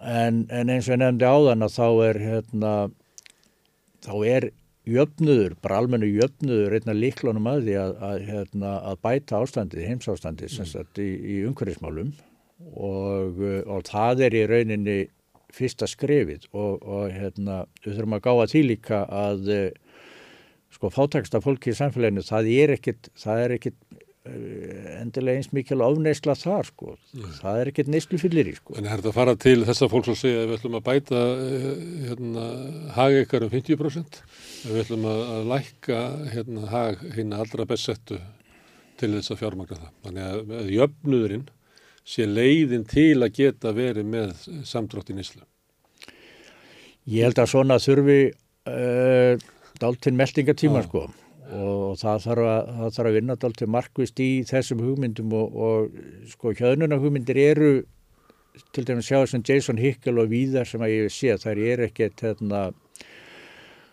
það er ekki mjög sko áþreifanlega skrefin sem að menn benda á. Það er bend á að það eru að minka neistlu og það eru að auka jöfnuð og, og hérna, það er mjög margtækt að gera í samfélaginu til þess að, að hérna, ná ákveðinu svona jafnvægi, samfélagslegu jafnvægi en, eh, en það gerist ekkert svona 1, 2 og 3 sko. Nei. En við erum samt á leiðinni, við erum háskalegri braut. Já, já. Við við erum, að, veist, við erum að fullri ferð og framöndan er svona veggur sem við munum stíma á. Já, já. og er það ekki fullt sent að vera með svona diskussjónir að kannski ættu við að fara að leita ykkur annar leið? Því að það er ennþá keirt á fullu Já, það er náttúrulega sko, ég er ekki með patentlausnar á þessu sko, en, en, en hérna, uh, kannski ekki heldur rétt að tala um að vera kert á vegg. Nei. Það verður ekki, það verður ekki svo bratt. Þetta náttúrulega er, þetta er svona hægfara, hægfara hérna, leið til helvítis en, Mm. en, hérna, en, en sem er ekki veggur sko. En, Það er nú en í lofslagsfræðunum er nú oft talað um það að það er svona point on no return sem er mögulegt. Já, já, og það, það nálgast óðfluga og, og það er eins gott að menn, menn fara nú að gera eitthvað í því en, en, en, en, hérna, það, þar, það allavega er ekki fyrsta skrefið að, að hérna, minka hérna, neysluna hjá þeim allra hérna, lægst launuðu því því að hún er nú í lengið hvað sem er sko. og, og það er náttúrulega það er bara stórar stjettir láluna fólk sko, sem að kvíði fyrir kvíði fyrir jólunum og, og sér ekkert alveg fram á að geta, geta hérna, náð endur sama þá frekar en endurnar sko. þannig að en, en ég held að ég held að til dæmis eh, öll sko öll verkefliðsbaráta, stjættabaráta uh, og baráta sem sagt græsóttarhefinga hún þarf að ná svolítið að samhæfast og, og beinast einfallega gegn fjármagninu og, og hérna og, og þeirri hugsun sko sem að það líkur á bakvið sko. Leiðin til að berga heiminum er að fella kapitalisman. Já, ég, vei, ég veit ekki sko, ég veit ekki alveg hvað getur komið í staðinn sko. Mm.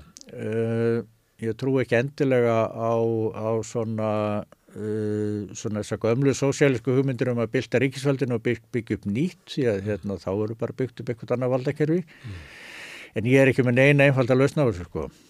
En, eh, en, en, en hérna, það þarf einfallega þarf að ná saman svona einhvers konar viðtak samstæða, mannuleg samstæða um uh, samfélagsumbætur sem að þurfa að gera svolítið hratt og umbætur get alveg gert nokkuð hratt sko. Mm. Þegar, að- þegar að hérna, sérstaklega fólk fær bara tíma til að hugsa svolítið sko. En ég er ekki með uppskriftun að því. Og ekki heldur hvernig fólk á að fá meiri tíma til að hugsa, margir á kvartaði fyrir því að það sé ekki tími til að hugsa. Já, já. Já. Það er, það er hérna, Span einstaklingana og samfélagsins í orðið ansi stutt. Já, já, sko það, það, það þarf einlega ekki að fólk færa á því að komast úr hamstrahjólinu sko. og, og hérna, ég er ekki með uppskiptin að því en, en, en, en hérna, það er heldur ekki alltaf hægt að ætlast til að þess að einum sko, gömlum vesalum fræðimann að hann sé með hérna, uppskiptin að öllu sko, hann, þó hann benda á ímislegt sem að aflaga fyrir og einhverjar sko, einhverjar hérna, leiðir hinga á þanga sem að geti bætt úr þessu þá þurfa miklu fleira að koma til til að, hérna, til að bæta ástandið. Norður er til alls fyrst og við bara þökkum við kjallaði fyrir þennan greinaflokk sem við byrtur á vísi. Hvernig fólk til þess að, að lesa hann Takk fyrir mig. Já, og við þökkum uh, viðari fyrir að koma hérna við og öllum gestunum sem hafa komið hérna við í kvöld á rauðaborðinu. Uh, bend ykkur enn og aftur á að, að þetta er saminuverkefni okkar sem erum að búa til þætti, við sem erum hérna megin og hinum megin við myndavelina gestina sem koma hingað og svo náttúrulega ykkur sem að hlustið og horfið.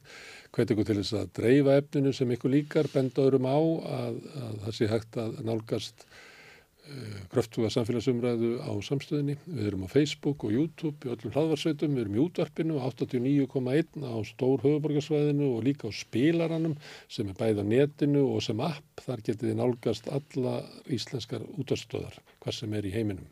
Svo erum við líka að koma inn með annan fótinn inn, inn í sjónvarpið. Þeir sem að fáið sjónvarpið eitthvað frá símanum getið fundið samstöðina á rás nummer 5 þá getið hort á öfluga samfélagsumræðu allan sólarhingin. Þið sem vilja hjálpa okkur að byggja upp samstöðuna sem er með ímis áform og vill eflast enn, getið gest áskrifundur, þá farið inn á samstöðun.is ítan hnapp sem ástendur áskrift og getið skráð ykkur fyrir áskrift sem er í dag 2000 krónur sem að mér sagt að segja skammarlega látt. Þið sem að vilji geta borga meira og þið sem að kjósið geti látið áskriftin að renna sem félagsgjöld inn í alþjóðfélagið og það er alþjóðfélagið sem á og rekur samstöðuna. En við þökkum kjallaði fyrir okkur í kvöld og sjáumst á morgun. Húsnæðiskostnaður tegur meira en helming af ráðstöðuna tekjum verkafólks í eblingu. Hvernig er þetta réttlæta það? Ebling stjættafélag. Segðu það á samstöðinni.